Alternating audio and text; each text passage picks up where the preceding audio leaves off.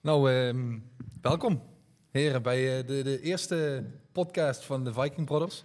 Ehm, we hebben twee leuke gasten hier vandaag. Aaron, Timothy. Twee ex-bodybuilders. Of ja, hè? Ben je nog van plan een wedstrijd te Ja, doen? ja, ja, toch wel? voorbereiding. Ja. Kijk, één echte bodybuilder, één ex-bodybuilder. Ja, ik hoop vergeten. Ehm petrolheads, houden van auto's. ehm, Motors. motors, horloges. Ehm, en we gaan vandaag het hebben over eh, een stukje fitness, eh, een stukje voeding, ehm, een stukje training, vooral PT-wereld op dit moment. Maar, belangrijk vind ik ook, een stukje realiteit. Dus hoe zit het tegenwoordig in de maatschappij? Hoe leven we nou op dit moment? En waar gaat het in de toekomst naartoe?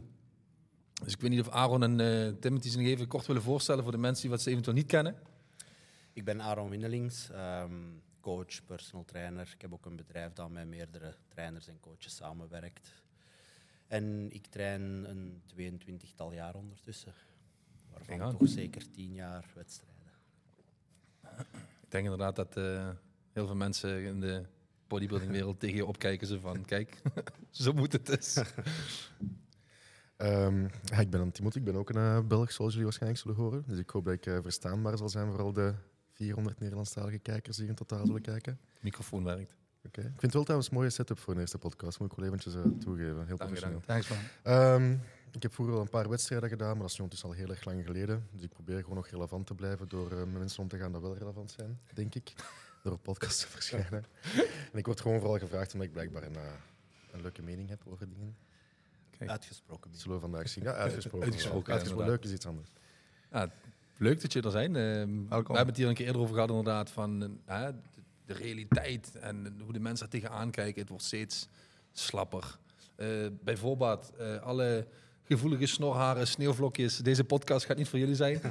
Ehm, nee, flauwekul. Ik denk wel dat inderdaad veel dingen besproken gaan zijn waarin mensen ehm, een mening gaan hebben over de manier waarop dat het dan naar buiten gebracht wordt. Vooral in de ja, wereld zoals we daar nu in leven. We willen beginnen met een stukje fitness. Ehm, zijn er dingen in de sportschool die wat jullie nou eigenlijk heel erg opvalt? Jonge mensen beginnen met trainen, waar zijn de meest gemaakte fouten? Eerst en vooral is het goed dat er meer en meer mensen aan het sporten zijn. Zo lijkt het 100%. toch? Ja. Ehm, maar ik denk inderdaad dat, zoals je daarnet zei, dat veel mensen gebaat zouden zijn met een stukje begeleiding. Zeker Mhm. in het begin. En dat ze nu te hard gaan luisteren naar een beetje iedereen en daardoor nog altijd die veelgemaakte fouten blijven maken. Een stukje, vooral in de ja, social media. Kijk, je ziet Ja. social media is niet meer weg te denken ter Nee. wereld. Laten we dat even vooropstellen. Ehm, ik denk dat er heel veel goede dingen mee gedaan worden, maar ik denk inderdaad ook dat er heel veel rotzooi mee de, de wereld in geholpen wordt. Ja, zoals ik daarnet zei, ze gaan dingen zo, zo heel zwart-wit zien. Mhm. En dat is, dat is hoe dan mensen in de war geraken. Ja. Want de ene persoon op sociale media zegt het is A, de ander zegt nee, A is volledig fout, het is B.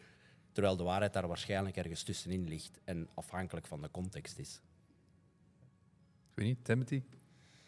Ja, ik weet dat ik over het laatste keer op een avond in een basic fit was voor wat cardio te gaan doen. Niet trots om toe te geven, maar goed. ik verveelde mij gewoon, daar komt het op neer. En het viel mij eigenlijk wel op hoeveel eh, jongere jongens dat daar aanwezig waren. Allemaal in groepjes van drie of vier aan het trainen. We kennen ze allemaal wel. En wat dat was echt was een merenhoop. En wat ik altijd dacht tot dan toe is van ik ben dat zo beu van elke nieuwe coach, elke nieuwe PT. Er is altijd die, dezelfde filmpjes zien maken van zo doe je een race, zo doe je dit of dat. Maar als ik die jongens zie trainen, is eigenlijk wel duidelijk brood nodig. Ja, ja. Want ik heb daar de meest rare vormen gezien eh, dat ik lange tijd heb gezien. Maar eh, ik er verschoot er wel van.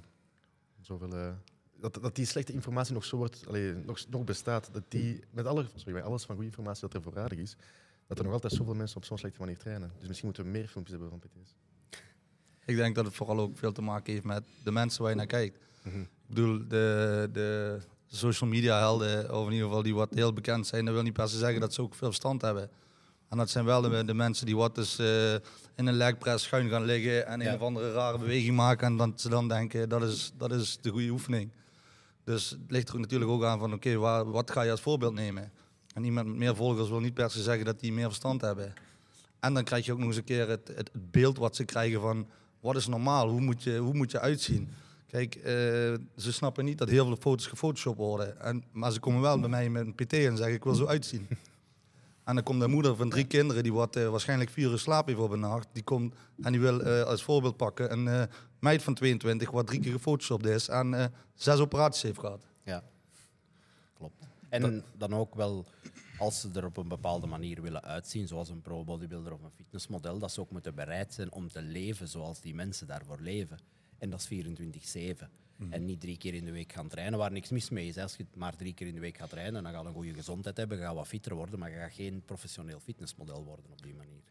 Is het, is het niet daarom dat mensen zeg maar, doelen hebben die wat niet aan de realiteit voldoen? Ik denk dat hun, hun inzet niet voldoet aan het doel dat ze hebben. Maar dat is sowieso heel veel tegenwoordig. Ja. ze willen allemaal binnen twee maanden miljonair zijn. Ze willen binnen twee maanden willen ze fitness chick of, of, of, of boy zijn.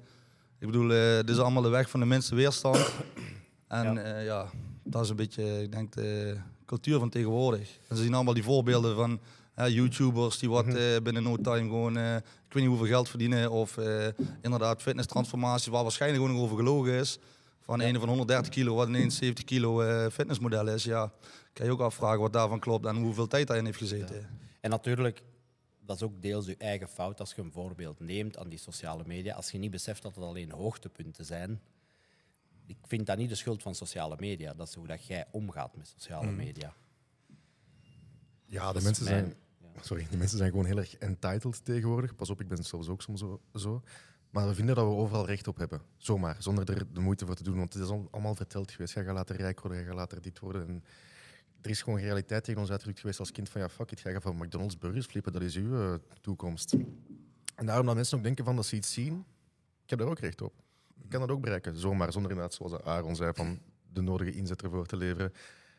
En zo creëert je al die depressieve mensen, die burn-outs eigenlijk eh, uiteindelijk. En dat ze moeten beseffen dat dat met vallen en opstaan is. En wat ik altijd probeer duidelijk te maken aan mensen, vooral in een stukje PT, ehm, je moet er geen tijd aan vastbinden. Ik heb een bepaald doel. Je wil pff, 20 kilo afvallen, je wil meer spiermassa krijgen, je wil whatever it may be. Maar het is de weg ernaartoe. En niet het uiteindelijke doel van, hey, pff, dat wil ik bereiken. Nee, waarom? Gaandeweg ga je jezelf verliezen. En heel veel jonge gasten die wat hier trainen, punt één, hè, die hebben vaak nog geen verstand van hoe ze moeten trainen. Dat is al één. Punt twee, voeding. Pff, wil ik het niet eens over hebben. En punt drie, dat is wel een puntje wat ik wil aanhalen. Wat je steeds meer op jongere leeftijd ziet, is dat mensen aan hè, ehm, PED's gaan denken. Dat ik mezelf denk van, ja maar, why? Weet je, je, je traint pas een jaar, als het dat al is. Als ik het al trainen mag noemen. En je wil dan ja, er eigenlijk niks voor doen en zo snel mogelijk naar je doel toe. Maar dan vergeet je toch eigenlijk waar het om gaat. Dat is ook die hele weg ernaartoe. Wat je daarvoor over moet hebben. Eh gaandeweg dat je beter wordt. Eh, je wordt sterker. eh, je voeding wordt steeds wat beter. en je, gaat, je gaat je ontwikkelen als het ware. Het zou een beetje de kers op de taart moeten zijn en niet omgekeerd. Dat is niet de basis. En ik denk dat het ondertussen wel duidelijk is, en er doet ook niemand hypocriet niet meer over dat er in bodybuilding gebruikt wordt. Logisch. Yes, ehm, maar ja, ik heb dat altijd gezien als het kleine extraatje. En dat is nodig om verder te geraken als je op een bepaald punt zit. Maar al de rest van al die andere factoren moet gewoon in mijn hoofd 100% kloppen. Ja, anders moet je er niet aan Nee, beginnen. nee. En ook gewoon dicht bij je natuurlijke potentie zitten. Ja, ja, ja, ik bedoel, eh, Ja. anders dan weet je ook niet wat daadwerkelijk voor Nee. je heeft uitgehaald. Omdat Nee. je, ja, Nee, nee. Ik denk inderdaad dat je minimum vijf jaar zou moeten trainen voor je er überhaupt dan ook- begint te denken. eh, fatsoenlijk slapen, Ja, ja, dieet al fatsoenlijk, ja, alles, dat alles gewoon klopt. En dan kun je zeggen, ik ben niet tevreden over mezelf of ik wil naar de wedstrijd gaan doen. Ik ga hulpmiddelen gebruiken. En dan is er nog een manier van gebruiken. Hè? Want luister dan alsjeblieft niet naar de gemiddelde bro in de sportschool, maar ga dan langs bij iemand die er wel echt verstand van heeft. En allee, laat uw bloed onderzoeken en al de rest voordat je aan zo'n dingen begint. Zo aan het lachen, inderdaad. Het is dan... eh, ik weet niet wat het dan is. Hè. Ik denk dat het misschien soms ook stoerdoenerij is. Hè. Ze van, oh ja, ik pak dit, dit, dit en Ja. dit. Wauw.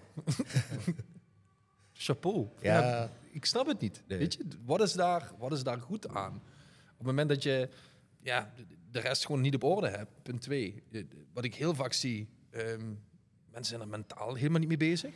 Dus hè, die denken puur aan, aan, aan eh, het fysieke wat ze ermee gaan bereiken. Maar denken er totaal niet aan van, hey, wat, wat gaat het mentaal met mij doen? En wat gaat dat later eventueel met mijn gezondheid doen, met Dat mijn vruchtbaarheid? Met Ja. mijn, ja. Het zijn allemaal factoren die je in rekening moet brengen. En dan moet je voor jezelf een beslissing maken van oké, wil ik dat risico nemen? Want het is altijd een risico. Ja, 100%. Je kunt veiliger gebruiken. En daar zetten ze tegenwoordig heel hard op in, wat ik super vind. Maar het blijft altijd een risico. Mhm. Ja. Er is niet zoiets als veilig gebruiken. Er is minder risicovol gebruiken. Ja, ja, ja, ja, logisch. Ehm, de drie beste tips wat jullie een beginnend sporter, man of vrouw, zouden geven? Eerst. Geduld. Wat dan een hele belangrijke is. Ik wou zeggen, het is een marathon en geen sprint. Ja. Hetzelfde. Ja. Één. Ehm, ga ten raden bij de juiste persoon. En dan ben ik geen reclame voor mezelf aan het maken. Ik ken genoeg goede trainers en coaches. Maar ga alsjeblieft langs bij iemand die er niet alleen goed uitziet, maar van, waarvan je ook van meerdere mensen hoort van die heeft er echt verstand van. Eh, Ik wou zeggen, investeer in een goede coach. ja. Hele lijn. Hey, Belgen. Ja, en geniet van het proces, denk ik. En kijk niet alleen, zoals je daarnet zegt, naar dat uiteindelijke doel. Want als je daar niet van leert genieten, dan ga je dat nooit op lange termijn volhouden. Ja, het inderdaad, je moet het gewoon voor je eigen doen in plaats van dat je wilt voldoen aan een eh, perfect eh gefotoshop beeldje dat je op Instagram hebt gezien. Dat je denkt van dan pas ga ik waardevol zijn als ik er ook zo uitzie. Van nee, Ja. geniet er gewoon van inderdaad. Ik denk dat veel mensen denken van als ik er op een bepaalde manier uitzie, dan is mijn leven roze geur en maneschijn. Als jij zeg maar iets, een depressie hebt door een bepaalde redenen, dan gaat die niet weggaan omdat je ineens een mooiere fysiek hebt. Je moet die oorzaak daarvan aan aanpakken. En w- waarom voelt je je niet goed in je vel? Een deel daarvan zal zijn je fysiek voorkomen, maar dat gaat waarschijnlijk niet alles zijn.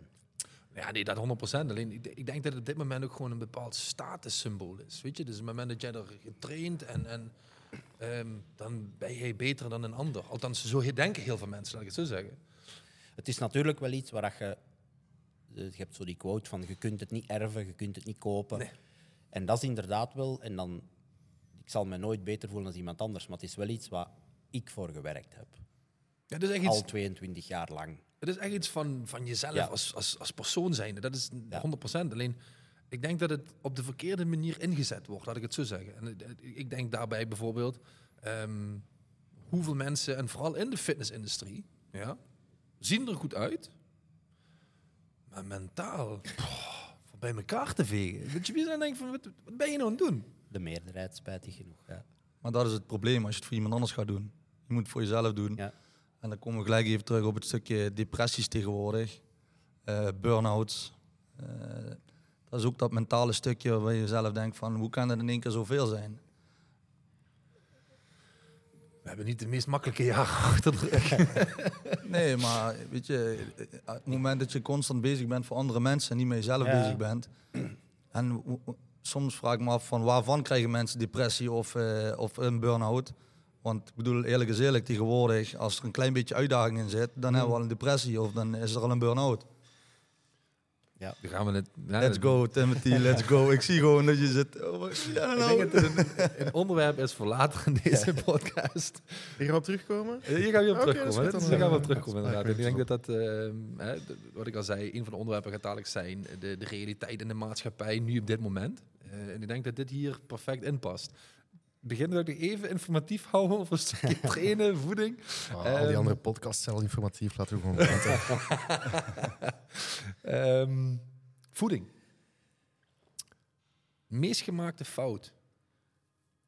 Eh, geen rekening houden met calorieën, denk ik. Dus wel gezond eten, wat dat zeker al goed is, maar inderdaad niet beseffen. Ook gezond kun je overeten. Ja, inderdaad. En ik hoor vaak mensen zeggen, ja, maar ik eet gezond. Ja, maar je kunt nog altijd inderdaad te veel eten. Ah. En Wel, wel drie avocados in de salade. ja, voilà.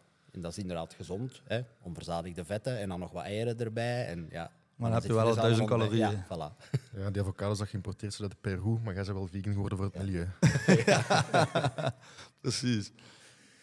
Ja, nee, ja, dat, is, ja, dat is inderdaad. Eh, ja, dat, ik denk dat we allemaal geen vegan zijn, dat scheelt. Uh, meest gemaakte fout ook over, over voeding is dat veel mensen ermee beginnen dat ze verwachten dat ze meteen een perfect eetschema krijgen. En voor een beginner is dat helemaal niet belangrijk, want ik zie heel veel coaches bepaalde dingen preachen, zoals ja, veel te veel. Komt nu het begin opschommen. Maar dat, eigenlijk dat, met als gevolg dat de beginner door de bomen van het bos niet meer ziet. Want je mocht die kleur groenten of die kleur groenten op dat Mm. moment niet eten. En je moest zien koolhydraten, insuline. Veel te ingewikkeld allemaal. Laat gewoon die beginners gewoon beginnen bij het begin. Basis, ja. Ja, de, de grootste maak- fout bij voeding is van het gewoon te, te compliceren, over, ehm, over ingewikkeld te maken. Ik eet nog altijd gewoon eieren en spek. Ja. Kiprijst, stekrijst, havermout. Aaron ook. Geen groente. Nee, geen goed. Ik wel groente. Ehm, gaat- ja, ik kan het... hou het gewoon echt simpel. En ik zal het zo zeggen, iemand dat een pro is, is niet iemand dat per se een andere aanpak neemt. Die is gewoon beter in die basics als ons, als beginners. Die is daar gewoon consistenter mee. Ja. Ja, klopt. En ik denk voor beginners dan... Allee, het is ook niet voor iedereen nodig om calorieën te gaan trekken. Ik bedoel, als iemand gewoon wat gezonder wilt worden en heeft geen overgewicht en heeft van nature, kan hem door zijn hongergevoel redelijk stabiel blijven in gewicht en hij wil gewoon wat fitter worden, is dat geen absolute must. Stel dat je toch een bepaald doel hebt en wilt bijkomen of afvallen, hou dan in het begin gewoon die calorieën in de oog. Zie dat je genoeg proteïne binnenkrijgt, spreid dat over een paar keer per dag en klaar. En maak je nog niet te veel zorgen over ik moet dan op die minuut zoveel gram koolhydraten binnenkrijgen. En, Ja, ik denk dat het sowieso... Hè, mensen denken veel te ver na. ja. Ehm, hou het bij de basis. Ik denk dat die sowieso heel belangrijk is. Maar het, het, het mooie is wel, op het moment dat wij klanten binnenkrijgen en die zeggen van een begin, ja, maar ik eet gezond. En 99% van alle mensen die je vraagt, hoeveel calorieën krijg jij dagelijks binnen? Ze hebben geen flauw idee wat ze dagelijks die in hun hals in stoppen. En dat is iets dat ze bijvoorbeeld, vind ik, in school... Je moet ze geen voedingsexpert maken, maar leer ze beseffen wat dat de, de energie is die bepaalde voeding bevat en wat dat doet als je daar te veel van eet. En laten we, laten we eens beginnen bij dat heel veel mensen niet eens weten dat je alleen kan afvallen in een calorietekort. Ja. Iedereen gaat het inderdaad zo ver zoeken. Dat, Ja. is dus al fijn als ze dat op school Ja. gewoon inderdaad geleerd Ja. krijgen. Ik bedoel, Maar gewoon als mens denken we intrinsiek dat we super speciaal zijn. Ja. Dus wij hebben een andere aanpak nodig. Ja. Ja, maar keto, ja, maar dit, ja, maar dat. Nee, Ja. gewoon calorieën tellen, klaar. Dat is inderdaad een groot probleem en dat merk ik vaak met klanten ook, dat iedereen denkt dat hem speciaal is. En ik zeg altijd, je bent een zoogdier. Wij zijn, ja, op, voor het grootste stuk zijn we allemaal identiek. Hè. Onze stofwisseling werkt op dezelfde manier. Er zullen hele kleine verschillen in zitten. Maar er bestaat niemand die energie kan halen uit de zon hè, als mens. maar pas op, er zijn wel mensen met zware botten. hè. Ja, Trage schildklieren. Ja, even nagelaten dat je inderdaad mensen hebt met een trage schildklier, maar die Ja. hebben daadwerkelijk een aandoening. Ja. Inderdaad, het wordt te vaak gebruikt als te vaak excuus. gebruikt als excuus. Ja. dat. Traag metabolisme. ja. Ja, maar... ehm, Ook nog eventjes kort over. Ja, maar het zit in mijn genen. Sorry, maar als je naar mensen kijkt uit de 1800, zijn allemaal supermagere mensen hoor. Ja. Er was nog een foto dat ik recent had gezien van 1895. Ik heb misschien die naar u doorgestuurd. Van de dikste man in Amerika. ja, ja, nee, de dikste ja, man in ja, ja. Amerika. is nu een gemiddelde Amerikaan. Hè? hm. Het zit niet in uw genen. Ja, die, ik had die foto gezien, die had je inderdaad Ja. eh, Dat Dat, was een, dat was een attractie gewoon- toen. Hè? Ja, Ja, dat was een attractie. Mensen Ja. betalen voor die te komen zien. Nu Ja. we gewoon Amerika gewoon Ja. binnen gaan. Maar Dus dat zit in uw genen. Ik, mijn mening Allemaal is dat, het, dat, wij, dat dat zo snel gegaan is van voedseltekort naar altijd voedsel voorhanden hebben en de mens kan daar niet mee om.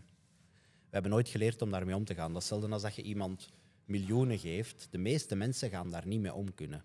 Want dat is te veel. We hebben nooit geleerd om dat te beheren, die hoeveelheid voedsel. Of, en we vinden dan nu ook normaal dat wij op elke doordeweekse dag s'avonds ijsjes eten voor de tv. Of koekjes. Terwijl in de tijd van mijn oma, en dan spreek ik over 50, 60 jaar geleden, was dat nog een luxe product dat als iets feest was, aten die een koekje of een taartje. En ik denk dat het ook gewoon een heel groot probleem is dat we gewoon veel minder bewegen als vroeger. Ja. Alles wordt geautomatiseerd. We hebben geautomatiseerde stofzuigers, eh, van die robotstofzuigers. Eh, we zitten de hele dag, zitten beroep, thuiswerken, lekker zitten achter de laptop de hele dag. Vervolgens, als je al met de auto naar je werk bent gegaan, wat vroeger ook veel meer met de fiets gebeurde of te voet, dan kom je thuis, je gaat zitten aan tafel eten en je ploft daarna op de bank omdat je moe bent van de hele dag zitten. Eten dat je bestelt trouwens. Eten dat je bestelt en niet zelf maakt. Want daar Eh, hebben ze geen tijd voor. Kijk, en dat, en dat is ook gewoon eh, veel erger geworden. Hè. Dat is hetzelfde in, de, in onze kindertijd. Wij gingen nog gewoon buiten spelen. Mhm. Tegenwoordig iedereen zit achter de computer, iPad, telefoon. Wat bewegen ze nog? Weet je, eh, ik denk niet alleen het eten, maar vooral, vooral ook het bewegen. Ja, ja, Er wordt gewoon zoveel minder bewogen. Eh, die verbranden gewoon geen calorieën. Weet je, Ja, en het is een heel groot verschil of iemand eh, voor een voedingsschema komt en die zit de hele dag op kantoor. Of iemand die wat in de Ja, bouw werkt. Ja, ja. want Ja, die mogen ook gewoon veel meer calorieën eten. Dus ik denk vooral ook ja, heel erg het, minder bewegen van, van, van iedereen, zowel oud als jong. Ja. En dan is het niet enkel gewicht of, of vettoename, maar gewoon algemene gezondheid. Een mens is niet gemaakt om altijd stil te zitten. Ja, ze zeggen niet voor niks, setting is de nieuwe smoking. Ja, Ja, het probleem is tegenwoordig staan we als maatschappij zo ver af van hoe dat we vroeger functioneerden als mens. Zoals Aaron zei, er was niet altijd eten voorradig. Wij moesten veel meer doen op een lege maag, als we, of als we zelfs niet altijd water voorradig. Ja. Dus we hebben geen interne processen om dat van ons af te houden als dat wel allemaal voorradig is. Want wij denken gewoon, allee, ons hersenen denken gewoon ons oerbrein, whatever hoe dat je het ook allemaal wilt noemen, denkt van er is eten, ik ga nu eten, klaar. En dat je ook een bepaalde dopamine-release vrij en al die zaken en eh, al die serotonines. en dan is het weer een geval van instant gratification tegenover Ja. delayed gratification. Want als je goed en gezond eet, je gaat inderdaad die dopamine-hit niet hebben van net na je eten, maar op lange termijn ga ik je goed voelen. Maar mensen denken heel vaak op korte termijnen. Nee, maar dat is dus het, denk ik het grootste probleem in de huidige maatschappij. Dat we allemaal op korte termijn iets willen zien, voelen, eh, bereiken. Ja. Ehm, terwijl, ja, eerlijk gezegd, het is geen realiteit. Zoals je net zei, van de mensen die na één jaar sporten, al is het al een jaar tegenwoordig, sommigen gaan er nog veel sneller aan, dan begin je met PED-gebruik.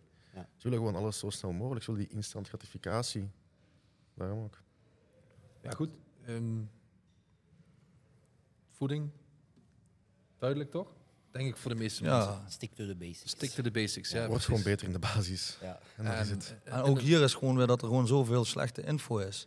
En dat er nog steeds wordt gezegd dat suiker slecht is. Ja. En, en eh, dat mensen niet weten van wat werkt nou eigenlijk om af te vallen. En als Ja. ik ze een, een, een voedingsschema geef wat gewoon redelijk gezond eten is, krijgen ze het eten niet eens op. Als, Ja. we, als we kijken naar de, voedingspy- de voedingspyramide dat we vroeger hebben meekregen vanuit school, stond eiwit helemaal fucking bovenaan. En alles met graan en al die dingen, al dat superinflammatorisch, allemaal als een fucking eh, bodem. Ja. Dus ja, mensen hebben, weten gewoon niet hoe dat ze moeten aanpakken. Als je vraagt, mijn ouders, alle twee dokters, weten daar geen fluit vanaf. Dat zijn dokters. Je inbeelden dat een normaal gezin met allee, ouders dat niet hebben gestudeerd of whatever, maar dat die van allee, ervaringen meegeven aan hun kinderen. bijvoorbeeld Als ik in de McDonald's kom, waar ik nooit kom. maar ik zie dat bijvoorbeeld een gezin met dikke ouders en dan bijgevolg ook dikke kinderen. Ik heb daar medelijden mee. Hè. Ja, dat, is- dat, dat, niet dat, is- dat is echt, dat is echt triest. Dat is echt triest. Daar kan ik echt boos om worden. Ja. Maar dat is wat ik zeg, die kinderen, wij speelden buiten vroeger. Wij waren sporten. Ja. We moesten een sport doen van mijn ouders. We moesten, als we overdag tijd hadden, de zon scheen, dan moesten we gewoon naar buiten. Zelfs in de regen eigenlijk. Ja. We hadden geen tv, we hadden geen Playstation. Het was alleen maar buiten, buiten, buiten. Voetbal en klaar. Ja, snap je? En, en, dat is nou niet meer. Ja. Maar ik vind, een kind kan niet zelf zo'n keuzes maken. Dus als jij een ouder bent van een kind wat gewoon zwaar overgewicht heeft, ga dan niet lopen huilen als die op de middelbare school gepest en in elkaar geslagen wordt. Ondanks dat ik dat niet goedkeur, dat dat gebeurt. Maar het is wel echt jouw schuld, want een kind kan die keuzes niet maken. Nee. En op het moment dat jij gewoon gaat zitten toekijken en ziet hoe je kind dikker en dikker wordt, dan, ik vind als ouder ben je verantwoordelijk om daarvoor je kind die keuze te maken. En gewoon te zeggen, en ga zoeken voor fatsoenlijke info. En kijk naar deze podcast en luister wat belangrijk is. En zoek mensen wat er verstand van hebben, want het is jouw fucking verantwoordelijkheid. En als ze niet direct willen, het ook ergens een beetje verplichten. Als ik vroeger zei het regent, ik wil niet met mijn fiets naar school, dan zei mijn vader, je bent niet van suiker, kom, fiets op en vertrekken. Ja, maar daar, dat is sowieso wel zo'n onderwerp als ze niet willen. Ja. Ja, sorry, maar het, het was geen vraag, vriend. Nee, nee, nee. Het was geen vraag. Ja, ik kan, ik kan er echt, bo- ik kan echt boos aan worden. Ik vind het gewoon Ik denk, echt ik, denk, triest. ik denk wij alle vier. Dat is Ja. een van de redenen waarom we nou met z'n vier aan tafel zitten. Ja. Ehm, het is, we hadden het er net al even over gehad. Ehm, heel veel mensen zeggen wel van ja, maar ehm, ik weet dat niet. Eh, pff, ik weet niet hoe ik dat moet doen. Ik weet niet hoe gezond moet eten. Gast, je weet hoe je eh, voor Fortnite eh, codes moet opzoeken op fucking Ja. Google. En je weet niet hoe je dan kunt opzoeken op Google van hey, pff, wat houdt een gezond voedingsschema in? Dat is iets dat mij bijvoorbeeld heel hard opvalt met klanten. Ze kunnen alles met sociale media. Ze kunnen foto's bewerken beter dan Menig fotograaf. Ja, menig fotograaf. Maar dan krijgen wij berichtjes van, oh, ik heb die granola niet gevonden nu in de winkel, dus ik heb die. Hoe moet ik dat nu doen? Dat ik denk, maar je hebt een appje die je er bij ons bij krijgt, waar je gewoon mee kunt scannen de barcode. En dat is al te veel. Dan moeten wij dat doen voor u. Een training van dag verplaatsen, dat is te veel. Dat kunnen ze niet. Maar zoals ik zeg, ze kunnen elke foto Photoshop, ze kunnen heel filmpjes in elkaar monteren. Maar dat is gewoon een kwestie van moeite doen. Is het, is het niet ook gewoon dat mensen over het algemeen... dat we zijn veel te lui geworden. Waarom moet Lui gemaakt. Ja. Ja. Waarom moeten we iets? Alles wordt toch voor ons gedaan? Eh, een coach inderdaad. Nou, ik ben van mening als coach zijnde. ehm, je wijst iemand de weg. Weet je, ik, Ja. ik, ik moet dat niet voor jou gaan doen. Nee. Je wijst iemand de weg van, hey luister, als je dit gaat doen, je gaat deze stappen doorlopen, ehm, ga je dat resultaat behalen. Ja. Maar het is, je zegt, het is af en toe de, die vragen die je krijgt over, over bepaalde dingen. Dan denk van ja, maar een, een, een kind van acht snapt dat. Waarom, waarom moet, moet ik dit voor jou gaan doen op het moment dat je eh, alles wat je wel leuk vindt, eh, waar je wel ehm, prioriteit aan geeft, dat, dat, dat, dat, dat vind je allemaal en dat, dat doe je en dat maakt allemaal niet uit. En ik zeg, eh, games tegenwoordig, je, je vindt er alles, van, van elke game vind je wel iets op, op, op, so- op social media, op, op Google, wat Ja. ook. Maar iets wat eigenlijk goed is voor jouw gezondheid, ben je te lui om het te doen? Ja, en ik denk dat er ook nog door, hè, als, als we het nog even over coaching hebben, ehm, dat er nog coaches zijn die wat zeggen van dit moet je elke dag gaan eten. Wij maken een voorbeeldschema en wij leren jou hoe je zelf dat schema Ja. verder kan uitwerken. Met Want er zijn gewoon een hele hoop mensen, inclusief mijzelf, ik ga niet elke dag hetzelfde Nee. eten. Niks is fout. Veranderen, dit zijn je calorieën, dit Ja. zijn je eiwitten. En voor de rest, verander het elke dag. Scan het in, word bewust van de shit die wat je binnenstopt. Ja. En dat is in het begin gewoon meer werk voor de klant, klopt. Maar dan leren ze wel hoe ze het fatsoenlijk moeten doen. En dan als ze een familielid een bakje fuetjes eh, zien eten, zeggen ze, oh, dat is 530 calorieën. Ja. Maar op een gegeven moment weet je dat. En dan hoef je niet meer elke dag Nee, alles nee, te gaan nee, afwegen en noem het maar allemaal op. Maar in het begin is het gewoon even werk. Maar er zijn te veel coaches die zeggen, ja, eh, sowieso een voedingsschema. Het is, ik vind het belangrijk om, om voeding uit te leggen. En dan maak ik zeker een voorbeeldschema. Maar de rest is aan jouzelf. En Ja. dat is na twee maanden, als goed is, is het heel wat anders dan wat daar stond. Wel met dezelfde eiwitten, dezelfde calorieën, maar je hebt het gewoon naar jouzelf gemaakt. En dan kan je ook op vrijdagavond een keer een frietje eten als je daar zin in hebt. Want je weet, door de dag hou ik er rekening mee. Daar eet ik wat minder calorieën. Ik zorg Ja. wel dat ik mijn eiwitten binnenkrijg. En s'avonds kan ik gewoon een frietje eten. Niks mis mee. Maar we hebben heel veel mm, eh, eh, klanten van andere coaches. En die zeggen gewoon, ja, ik mag geen snoep. Ik heb eh, één cheat dag. Of cheat maaltijd. Of dit. What the fuck is een cheat maaltijd? En dat loopt dan ook volledig fout, hè, want dan hebben ze een cheat Ja, maar ze hebben dan geen idee. 10.000 calorieën. Ze hebben, ze, hebben, ze, hebben, ze hebben geen idee. En ze zeggen gewoon, ja, ik moet gewoon kip met rijst en broccoli en alleen maar dit en alleen maar dat.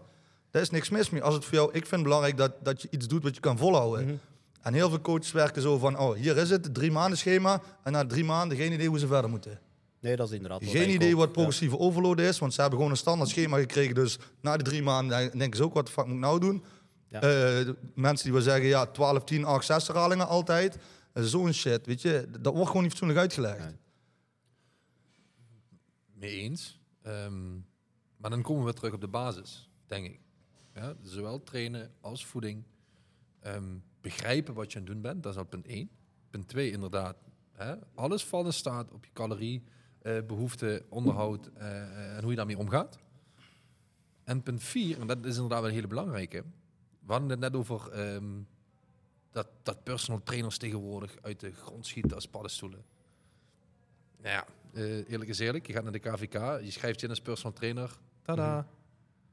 Maar wat moeten ze daadwerkelijk aan kennis hebben om mensen oprecht op te kunnen leiden tot eh, iemand die wat fatsoenlijk kan trainen en fatsoenlijk met voeding kan omgaan? Ik denk dat het niet verkeerd zou zijn om er inderdaad ja, bepaalde instanties die opleidingen geven te, te gaan accrediteren. Dat ze een, een diploma mogen geven waar dat mensen dan ook kunnen gaan kijken van kijk, die is bekwaam om. Ik denk op die manier dat dat wel een goede... Ja, maar dan moet dat wel correct zijn, want precies. ik denk dat dat al bestaat, maar dat is in België ook. Maar dat is, ja, sorry, dat is- maar die opleidingen slagen nergens op. Nee. Die Ja. zijn achterhaald tot en met... De overheid zal die wel eventjes crediteren. Ja. Ja. De overheid, ja. Die zal wel eventjes... Ja. goed. We hebben Ja. zelf ook de, de, de, een- een, PT-opleiding gedaan, omdat ja, certificaat te hebben natuurlijk. Maar ja, heel eerlijk, als je gaat kijken wat je daar eh, voor lesstof had, ja, dat is verouderd 100 jaar Ja, of zo. Kun je ik heb wat ook sportvoeding gedaan en inderdaad, dat was om dat papiertje te hebben, omdat ik dat zelf... Het is niet verplicht in België, maar ik wou dat wel. Mhm. Weet je, dat je toch aan je mensen kunt laten zien van kijk, ik ben wel opgeleid. Maar ik heb eigenlijk alles... Dat is gewoon, maar dat is in elk beroep. Je moet leergierig zijn en je moet willen blijven bijleren. En ik ga ook nooit zeggen, zo is het. Ik ga altijd zeggen van, het lijkt uit wat dat we nu op dit moment weten zo te zijn, maar dat kan veranderen in de toekomst. Maar daar lijkt het nu op, dus pas ik dat nu toe. Maar ik ga nooit spreken met zo is het en het zal altijd zo zijn. Wat dan niemand gaat doen die een beetje de wetenschap of zo bestudeert, denk ik. Nee, maar ik denk dat dat ook een beetje de, de, de grootst gemaakte fout is tegenwoordig inderdaad. Hè? Nogmaals, we willen alles zo makkelijk mogelijk hebben. Dus we kijken altijd alleen maar naar hoe ziet iemand uit. Dat is op punt één. Punt twee, eh, op het moment dat eh, eh, hij, die wat dan een sixpack heeft en eh, eh, 150 kilo kan bankdrukken, dat zegt, dan zal dat wel waar Ja. zijn. Ja, ehm, hè, even, even heel simpel natuurlijk nog een keer over training, voeding. Ehm, wat je al in het begin zei, zorg dat je iemand vindt die wat daadwerkelijk verstand heeft van hetgene wat hij vertelt. Punt twee, inderdaad, dat zelf ook doet. Mhm. Dat vind ik vaak. Hè. Je kent heel veel mensen, je kent het wel inderdaad, het beste stuurman staat daar wel. Roepen, roepen, roepen, roepen en zelf niks kunnen doen. Ja. En dan denk ik, ja, maar het komt niet over. Dat is wat ik altijd zeg bij beginnende trainers. En het zou inderdaad niet mogen uitmaken hoe dat je eruit ziet. Maar de realiteit is, ik heb al met verschillende trainers en coaches gewerkt, die voor mij dan werken. Degenen die zelf een goede fysiek hebben en die zelf die levensstijl hebben, hebben heel veel werk. Trainers en coaches die niet de fysiek hebben, en dan spreek ik niet over bodybuilder, maar gewoon fit, en die het zelf niet doen, die hebben veel minder werk. Dus ja, mensen zoeken ergens een voorbeeld. Misschien hetzelfde met, als jij, eh, je bent ook best wel hè, get- getatoeëerd. Mhm. Heb je ooit een keer een tatoeëerder gezien die wat niet getatoeëerd is? Nee. Nee, maar dat, komt niet over, toch? Nee, dat is toch hetzelfde verhaal als je een businesscoach niet of je je aandelen laat beleggen door iemand. Dan vraagt ook gewoon van hoeveel heb jij eigenlijk al mee verdiend. Als je dan zegt, ja, niks, maar ik ga je wel zeggen wat je moet doen. Ja. Maar dat is wat je vandaag de dag ook vaak ziet. Hè. Dat zijn van die ehm, coaches die dan personal trainers gaan managen, allee, eh, advies geven voor hun allee, zeg, Business coach. business Ja, coach, business ja. coaches. maar die zelf nooit iets gedaan hebben. Dan denk ik, ja, hoe, wat kent jij nu van die markt? Je hebt het zelf nooit gedaan. Dus, en dan ga jij zeggen tegen andere coaches hoe dat zij hun zaak moeten runnen. Uiteindelijk, uiteindelijk is het heel simpel. Het enige wat telt is resultaat. Ja. Ehm, er zijn mensen, eh, er zijn trainers die wat gewoon zelf geen goede fysiek hebben, maar wel gewoon goede resultaten halen met mensen. Ehm, maar over het algemeen inderdaad, eerste indruk. eh, als je zegt, ik wil graag... Mijn vader die kwam een keer bij een diëtist en die woog zelf 130 kilo. Maar die ging mijn vader uitleggen hoe hij met suiker moest omgaan. Ja. Ja, weet je, dan, dat, dan wordt het een beetje ongeloofwaardig. Hè. Ik bedoel, ehm, en nogmaals, het ligt natuurlijk ook aan eh, welke kant je op gaat. Ga je inderdaad richting bodybuilding wedstrijden? Zie je graag iemand, een coach die wat zelf ook daar eh, gewoon aan heeft meegedaan en, en er verstand van heeft, praktijkervaring. En voor fitnesscoaches is het gewoon belangrijk dat er gewoon resultaten gehaald worden. En dat, dat blijft uiteindelijk, denk ik, het belangrijkste. Resultaten, eh, ja, meer niet. En voor de rest is het vaak ja, een beetje keus, allee, als klant de keuze van met wie heb ik een klik en met wie niet. Hè. Vind ik wel een belangrijke. Inderdaad, ja. goed, zelf met de personal training ook. Op het moment Ja. dat ik met een klant geen klik heb, ja, dat ga je krijgen. Je gaat op een gegeven moment met tegenzin die, Ja. die, die persoon trainen. En die, die, dat ga je voelen, dat ga je Mhm. merken. Weet je? Dus op een gegeven moment is het dan een, vooral, kijk, heel veel beginnende personal trainers die vinden het natuurlijk belangrijk dat ze snel, zo snel mogelijk veel klanten krijgen. Alleen ja, goed, eh, door de jaren heen hebben we natuurlijk het, het geluk dat we druk zat hebben. Ja. Ehm, en zelf kunnen uitkiezen van oké, weet je, met deze klant ga ik wel werken of met deze klant niet. Maar ik denk inderdaad wel dat dat ook een heel belangrijk aspect is binnen de eh, coaching als het ware. Dat je inderdaad wel een bepaalde klik hebt met een klant. Ik weet niet hoe jij dat ervaart online. Als ik online coaching Ja. geef, ja, ik ben daar ook redelijk, hoe moet ik zeggen, dat is natuurlijk anders omdat Mhm. je niet echt dat contact hebt. Maar ik kan ook gerust tegen mensen zeggen dat het niet werkt qua samenwerking. Ik heb onlangs nog tegen iemand gezegd van ja, als jij van die bijdehandse opmerkingen blijft maken op je check-in formulier, ik ben daar niet mee gediend, sorry. Eh, Als ik vraag hoe heb je geslapen en of slaapt je voldoende, hangt van de definitie van voldoende af, krijgt dan als antwoord ja, sorry, dat, ik vind dat niet grappig. Allee, snap je? Nee, ja, goed, Ja. je hebt ook het idee dat je je coach gewoon niet serieus genomen Ja, voelt. voilà, Heel simpel. Ja, Ja. En dan zet ik dat ook gewoon stop. Ja. Ik denk dat te veel coaches puur denken aan dat geld, wat natuurlijk belangrijk is, we moeten allemaal onze boterham verdienen. Maar ik denk wel dat dat belangrijk is voor het verdere verloop van uw bedrijf, om met mensen te werken waarmee je graag samenwerkt, want zo gaat uw kwaliteit ook hoger blijven. niet alleen dat inderdaad, maar dat is wat, eh, wat, wat Trissa net zegt. Ehm, alles valt en staat uiteindelijk op resultaat. Ja. En op het moment dat jij met klanten moet werken die wat het niet serieus nemen, Mhm. na 9 van de 10 keer, eh, eerlijk is eerlijk, volgen ze ook het plan niet. Nee, nee. Nou ja, goed, het zijn er van die mensen van, ja, eh, ik doe niet wat je zegt, maar ik, eh, ik, ik word er niet beter van. Ja. Ja, eh, goh, wat had je gedacht, weet je? Ja. Dat- Dat is een hele grote frustratie, denk ik. Van, en dat merk ik bij beginnende coaches heel hard. Van ja, maar die mensen die luisteren niet. Ik zeg nee, zo ga je spijtig genoeg nog heel veel mensen Ja. hebben. En hoe langer je bezig bent, hoe meer dat je dat, omdat je op een bepaalde manier profileert, dat je dan wel. Ik heb het geluk dat ik nu juist die mensen aantrek die er wel echt voor willen gaan. En ze weten dat ook, dat ze anders niet lang gaan zijn, niet lang mij als coach gaan hebben. Uh, uh, uh, uh. Ja, nee, ja, goed, ik denk dat het gewoon het allerbelangrijkste is. Er moet wederzijds respect zijn Ja. natuurlijk. Dus ehm, kijk, wij moeten naar hun luisteren en naar hetgene wat hun graag willen. Ehm, daar maken wij een zo goed mogelijk plan op. Ik Ja. zeg altijd, hè, een plan gaat nooit perfect zijn vanaf dag één, dat kan niet. Maar het grappige is dat wel inderdaad, op het moment dat ze zich niet eraan houden, dat ze dan wel verwachten dat ze een resultaat gaan boeken. Ja, is, Je koopt geen resultaat, hè. je koopt een plan. Ja, en het ligt er ook aan in, in, in welke, eh, welk stadium je zit natuurlijk als, als trainer. Een beginnende trainer zal gewoon altijd alles aannemen. Eh, en ik denk dat dat goed is, want dat, dat, gaat, dat zorgt er ook voor dat je ervaring krijgt. Mhm. Ik bedoel, wij waren in het begin ook eh, voor heel weinig geld en een hele hoop moeite en een hele hoop mensen wat je niet serieus nemen. Maar je kan in het begin nog niet deze bedragen vragen. Nee. Want je hebt die ervaring gewoon nog niet. Mensen betalen voor ervaring. Ja. En wat jij allemaal geleerd en gestudeerd hebt en praktijkervaring die je hebt opgelopen, daar betalen mensen voor. En als jij dat in het begin niet hebt, dan moet je het voor minder geld gaan doen en moet je zorgen dat je resultaten gaat krijgen. Maar dan ga je altijd mensen ook aannemen omdat je denkt, oké, ik ben net begonnen, ik wil eh, zoveel mogelijk klanten, ik wil zoveel mogelijk geld verdienen natuurlijk, daar doen we dat ook allemaal voor. Ja. Ehm, dan zit je nog in een andere positie. Maar inderdaad, op het moment dat je wat verder bent, dan kan je gewoon zeggen van, luister vriend, my way or the highway. Eh, ik heb geen zin om met jou te gaan werken zo. Het is of zo, en anders eh, veel plezier bij een andere coach. Ik denk dat elke coach op een bepaald moment, hoe moet ik zeggen, zich gaat in een bepaald vakje zetten van dat is hoe ik coach en dat, zijn, dat is een bepaald publiek waar die dat je coaching gaat geven. En bij mij hoeven dat zeker geen wedstrijdatleten te zijn, maar wel mensen die echt vooruit willen in het leven. En dan spreek ik niet alleen over fitness, maar gewoon in het leven. ja. Dat vind ik heel belangrijk. Ik denk vaak ook dat het ehm, heel persoonsgebonden is. Op het moment dat iemand ehm, de effort erin stopt om fysiek beter te worden, ehm, hè, fitter te worden, gezonder te worden. Er zijn vaak ook mensen inderdaad die wat effort willen steken en beter worden in het leven. Dus hè, is niet alleen maar inderdaad met dat stukje van zichzelf, maar ook met de rest eh, en hoe ze daarin staan. Ehm, ik denk alleen dat die mensen steeds minder worden. Ik heb onlangs nog gezegd van het valt bij mij heel hard op dat de mensen die het super druk hebben, en dan spreek ik over CEO's van bedrijven die bij mij komen, die gaan zeven op zeven bijna sporten. En dan heb je die mensen die letterlijk zeggen, ja maar ik heb geen tijd, want ik werk van, drie tot, eh, van negen tot drie. Snap je? Dus het, het is ergens de aard van beestje. Daar ben ik. En inderdaad, je hebt minder en minder mensen die bereid zijn om iets extra te doen. Je moet in alles in het leven iets extra doen als je iets extra wilt bereiken. En anders blijft het gewoon gemiddeld. En daar is ook niks mis mee, hè, als jij zo gelukkig bent. Ja, ja, ja. Ja. Ja, dat is vaak het, het, het, het, het probleem. Hè? Dus heel veel mensen die willen dan inderdaad niet eh, gemiddeld zijn, maar er vooral niks meer voor doen. Ja. Zucht.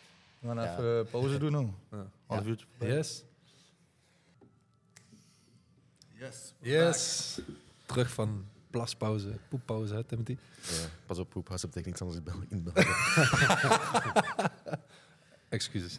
Right. Ja, ehm, slappe gelul, zoals Timothy zegt, is nou ten einde. nu komen er terug interessante dingen aan bod in plaats van dingen dat je copy-paste uit uit 200 andere podcasts. die allemaal Ja, gehoord. nou, Of nou, jullie nou, verder nou, praten nou, over nou. voeding en al die dingen? Of gaan Nee, nee, nee, nee, het is, nou, het is duidelijk. We hebben in ieder geval het stukje informatie hebben verschaft aan de mensen, dat ze in ieder geval iets ermee kunnen. Ja, zet gewoon in de titel op, dan wil ik hoeveel ze moeten fast-forwarden naar, naar dit punt. en nu begint het entertainment. Entertainment. Zit Zit je er klaar voor, ja? Ik ben er helemaal klaar Yes, voor. goed zo. Stukje realiteit. Maatschappij waar we nu op dit moment in leven. Ehm, depressies inderdaad, eh, wat je steeds maar hoort. Eh burn-outs. Dingen die wat inderdaad steeds extremer worden, althans in de media steeds extremer worden. Brand los. Zoals er net uh, was begonnen, maar dat we nu over mochten verder gaan van u, hè, als grote broer zijn. Kleine broer. Juist, fuck, sorry. Broer. Ehm, d- d- we hadden het eventjes over depressie, dat dat zo alomtegenwoordig was in de maatschappij tegenwoordig. En hoe dat, dat komt en waar dat, ligt en wat dat de eventuele oplossingen zijn daarvoor. Ehm die jullie daar ook allemaal wel een mening over hebben, ook allemaal, eh, zoals jullie zeiden, het is eh, een heftige periode voor jullie geweest voorbij het verjaar, dat jullie ook niet altijd al te best hebben gevoeld. Maar dat is ook gewoon hetgeen dat eigenlijk depressie is tegenwoordig, jullie gewoon niet al te best voelen. En dat is doodnormaal. Je kunt niet altijd gelukkig zijn, niet altijd kan alles goed gaan, maar tegenwoordig, van zodra het eventjes slecht gaat, de mensen hebben het moeilijk, ze zeggen depressief. Dan gebruik je dat woord depressief als een excuus voor alles. Ik heb geen zin om buiten te komen, ik heb geen zin om dat te doen, want ik ben depressief. En dan wordt van alle andere mensen verwacht van, ah, was oké met je. Ja, tuurlijk, doe maar je eigen ding. You do you. Hè? Plaats van te zeggen, what the fuck is je probleem, wat ga ik eraan doen? Want dat is bij de meesten zo. De meeste mensen voelen zich slecht over iets dat ze totaal zelf in de hand hebben en kunnen aanpakken en dan kunnen werken. Maar de maatschappij tegenwoordig dicteert dat we iedereen in zijn- comfortzone moeten laten. Dus we mogen er niet tegen zeggen want dat ze eigenlijk verkeerd doen en want dat is misschien aan de oorzaak ligt van die depressie. Want nogmaals, allee, ik wil zeker niet zeggen dat depressie niet bestaat en al die dingen. Er zijn ook wel echt mensen die gewoon legit reden hebben om... Ja, maar ik denk dat die mensen op een gegeven moment steeds minder serieus genomen worden. Ook mensen die er dus oprecht echt last van hebben. Ja, dus die wat echt gewoon in een zware depressie zitten. Niet meer serieus genomen worden omdat het ehm, alom gebruikt wordt om je ziek te melden op het werk, bij wijze van. Ja. Maar het is ook gewoon handig voor de wereld, alleen voor de mensen macht, omdat de mensen depressief zouden zijn. Want zoals we net over hadden, we hadden het nog over de energiefactuur. Twee seconden geleden hoeveel je moeten betalen per maand. En dan zeg ik net nog van, mensen moeten op straat komen. Dat gebeurt niet. Mensen zitten depressief thuis in zijn zetel en dan wordt ook verteld dat het oké is om depressief te blijven zitten in een zetel. In plaats van fucking doet er iets aan, wordt weerbaarder. Dan wordt je mens dat daar tegenop in de opstand kan komen. Maar dat wil niemand. En zoals gezegd, dat het oké is om u niet altijd 100% te voelen. Is trouwens een boek over hè, van Dirk de Wachter, ik weet niet of je die kent. Zet dat ding nog eens Psychiater van de dichterbij. Psychiater van de KU Leuven en die boek noemt De kunst van het ongelukkig zijn. En dat is gewoon dat mensen inderdaad moeten leren dat, u, dat je je niet altijd gelukkig gaat voelen, dat is normaal. En dan moeten mensen denk ik ook soms eens leren beseffen dat het niet altijd roze geur en maneschijn is. En dat dat oké is. En mensen moeten zich gaan leren beseffen dat het gewoon niemand geen reet interesseert als jij je slecht voelt. En ga je gaat lopen janken de hele dag. Ja. Mensen gaan niet, het boeit ze niks. Ze zullen misschien wel zeggen, oh zielig, maar verder denken ze gewoon, laat mij met rust. Je gaat op, een, op een gegeven moment ga je gewoon mensen afstoten omdat ze geen zin hebben in die negatieve energie constant. Ik geef dat eerlijk toe dat ik zo'n mensen probeer te mijden. En dan bedoel ik niet mensen die het moeilijk hebben, dan zal ik proberen te helpen. Iedereen heeft moeilijke momenten. Maar mensen waarvan ik het gevoel heb dat ze er niet uit willen geraken, die ban ik uit mijn leven. Maar, maar, hoe, negatieve maar hoe ga je helpen? Ja, het probleem ja. moeten ze vaak zelf oplossen. Ja, absoluut. Ja, en op het moment dat, hè, dat is wat eh, Timothy net zegt, eh, op het moment dat jij dan gewoon de hele dag in je stoel blijft zitten janken, dan gaat er ook niks veranderen. En je kunt een kutdag hebben, die hebben we allemaal, Ja. dat is ook geen probleem. Blijf je dag thuis, de dag daarna moet je gewoon je ballen pakken en weer eh, Ja. gewoon zorgen dat je wat van gaat maken. En het hoeven niet meteen grote stappen te zijn, maar je kan altijd wat doen. Ja. Je kan er altijd voor zorgen dat je je beter voelt. Ga, ga mediteren, ga buiten wandelen, ga met mensen het gesprek aan, inderdaad, maar wel op een manier wat, dat je vooruit gaat. En niet mensen die, en, en dat is het vaak, die mensen hebben zo'n mensen om zich heen. Oh, zielig. Oh, wat shit voor je. Oh, dit. Nee, gewoon één die wat je onder de ballen intrapt en zegt van, hé, hey, kom op. Ik denk dat, maar dat is ook het probleem vaak als die mensen hulp gaan zoeken, dat er ook gewoon gezegd wordt van blijf maar thuis en doe niks. Ik heb zo dokters die tegen klanten van mij zeggen, ja, stop maar met die coaching, stop maar met trainen, eh, stop met op je voeding te letten. Dan denk ik, maar structuur is juist het belangrijkste wat er is als je je niet goed voelt. Als dat ook nog wegvalt, waar sta je dan? Ik denk niet alleen dat is inderdaad. Ik, tuurlijk, hè, een, een, een heel groot probleem, wat er uiteindelijk daaruit voorkomt, is mensen worden steeds depressiever. Het wordt steeds erger in plaats van beter. Ik denk dat het, hè, de, de zelfdoden nou op dit moment, het is de pan uitgerezen. Wat ik nog heftiger vind overigens, is dat 70 tot 75 procent ervan mannen zijn. Is de Omdat ze misschien geen man niet meer mogen zijn. Volgend thema. Timothy. ik denk op een gegeven moment, en dat is wel ook de realiteit van deze maatschappij waarin het nou leven is inderdaad. Het, het, het, het stukje genderneutraal maken van onze maatschappij. Ja, wat, wat de fuck zijn we aan het doen? Weet je, het is bijna een, een, een, een ja, Het wordt, bijna aangemoedigd. niet alleen dat, maar het is al bijna verboden om echt man te mogen zijn. Want op dat moment ben je een vrouwenhater. Het wordt niet eh, bijna aangemoedigd, wordt geïndoctrineerd. Dat is Ja, een kleine nuanceverschil. Jordan Peterson heeft daar trouwens een mooi stukje over, of meerdere stukjes Meerdere. over. Hè? Ja, over inderdaad. Het is niet, ik zeg het ook altijd, het is niet dat een vrouw of een man een van de twee minderwaardig is aan de ander. Het is gewoon anders. En dat is oké dat dat anders is. Daar is niks mis mee. Wij zijn goed in dingen, vrouwen zijn goed in bepaalde dingen. Ik begrijp niet waarom wij allemaal goed zouden moeten zijn in dezelfde dingen. Het vult elkaar aan. Wat, wat, wat ik niet begrijp, of wat ik heel lastig vind te begrijpen, nou goed, voordat jullie hierin kwamen, hebben we het natuurlijk een beetje over gehad, is ehm, maak niet normaal wat niet normaal is. Ik het al aan, we worden geboren als man of als vrouw, of jongetje, meisje. Hè? De verhalen van vroeger, Adam en Eva. Daar was niemand anders bij. Dat was er. En, en door de jaren heen is het helaas... eh, pff, weet ik niet, ergens verkeerd gegaan. En vooral in de laatste, de laatste anderhalf, twee jaar is het alleen maar nog heftiger geworden. Waarom dat we normaal willen maken dat... ehm, we geen geslacht meer zijn. Ik heb laatst een heel stuk gelezen over een van de vrouw die vindt dat we eh, eh, met gender X op de wereld moeten komen. En dat we zelf maar moeten bepalen of we een jongetje of een meisje willen zijn. Ja, jongens, schiet mij maar lek. staat zelfs in de software waar ik nu mee werk voor mijn voeding- en trainingsschema's. Vroeger was dat man-vrouw, nu is dat man-vrouw, Onbekend. onbekend of wil ik niet zeggen of zoiets. Maar dan denk ik, oké, dat is allemaal leuk, maar puur biologisch gezien, ik moet wel dingen gaan berekenen. En hoe moet ik die dingen gaan berekenen als jij niet wilt zeggen wat je zijt? En dat is, hè, dus dat jij op een bepaalde manier voelt, oké, maar zoals gezegd, het blijft wel een feit dat het man of vrouw is. Ik, ik, ik wil het ook niet ontkennen, hè? dus ik, ik, ik, ik zeg ook niet dat het niet bestaat. Ja, ik, ik- geloof best en ik, ik, ik vind ik, hartstikke rot voor je als je je zo voelt als man zijn dat je je een vrouw voelt. Ehm, maar dat is niet mijn probleem. En op dit moment, en dat is hetgene waar ik me aan kan irriteren op een gegeven moment, is als, als, als mensen van hun problemen mijn problemen maken. Ik heb genoeg problemen voor mezelf waar ik ehm, aan moet werken, mee moet werken, noem het maar op. Maar als ik daar ook een keer de problemen van andere mensen bij gaan krijgen, ja, the fuck zijn we aan het doen, man? En je moet het ook niet oké vinden. Ik denk dat dat ook iets is dat mensen moeten leren. Ja, maar dan ben je een, eh, hoe noemen ze het tegenwoordig, een transfoob. Ja. Nee, ik denk dat gewoon, zoals dat mensen het niet oké hoeven te vinden dat ik volgetatoeëerd ben op mijn hoofd.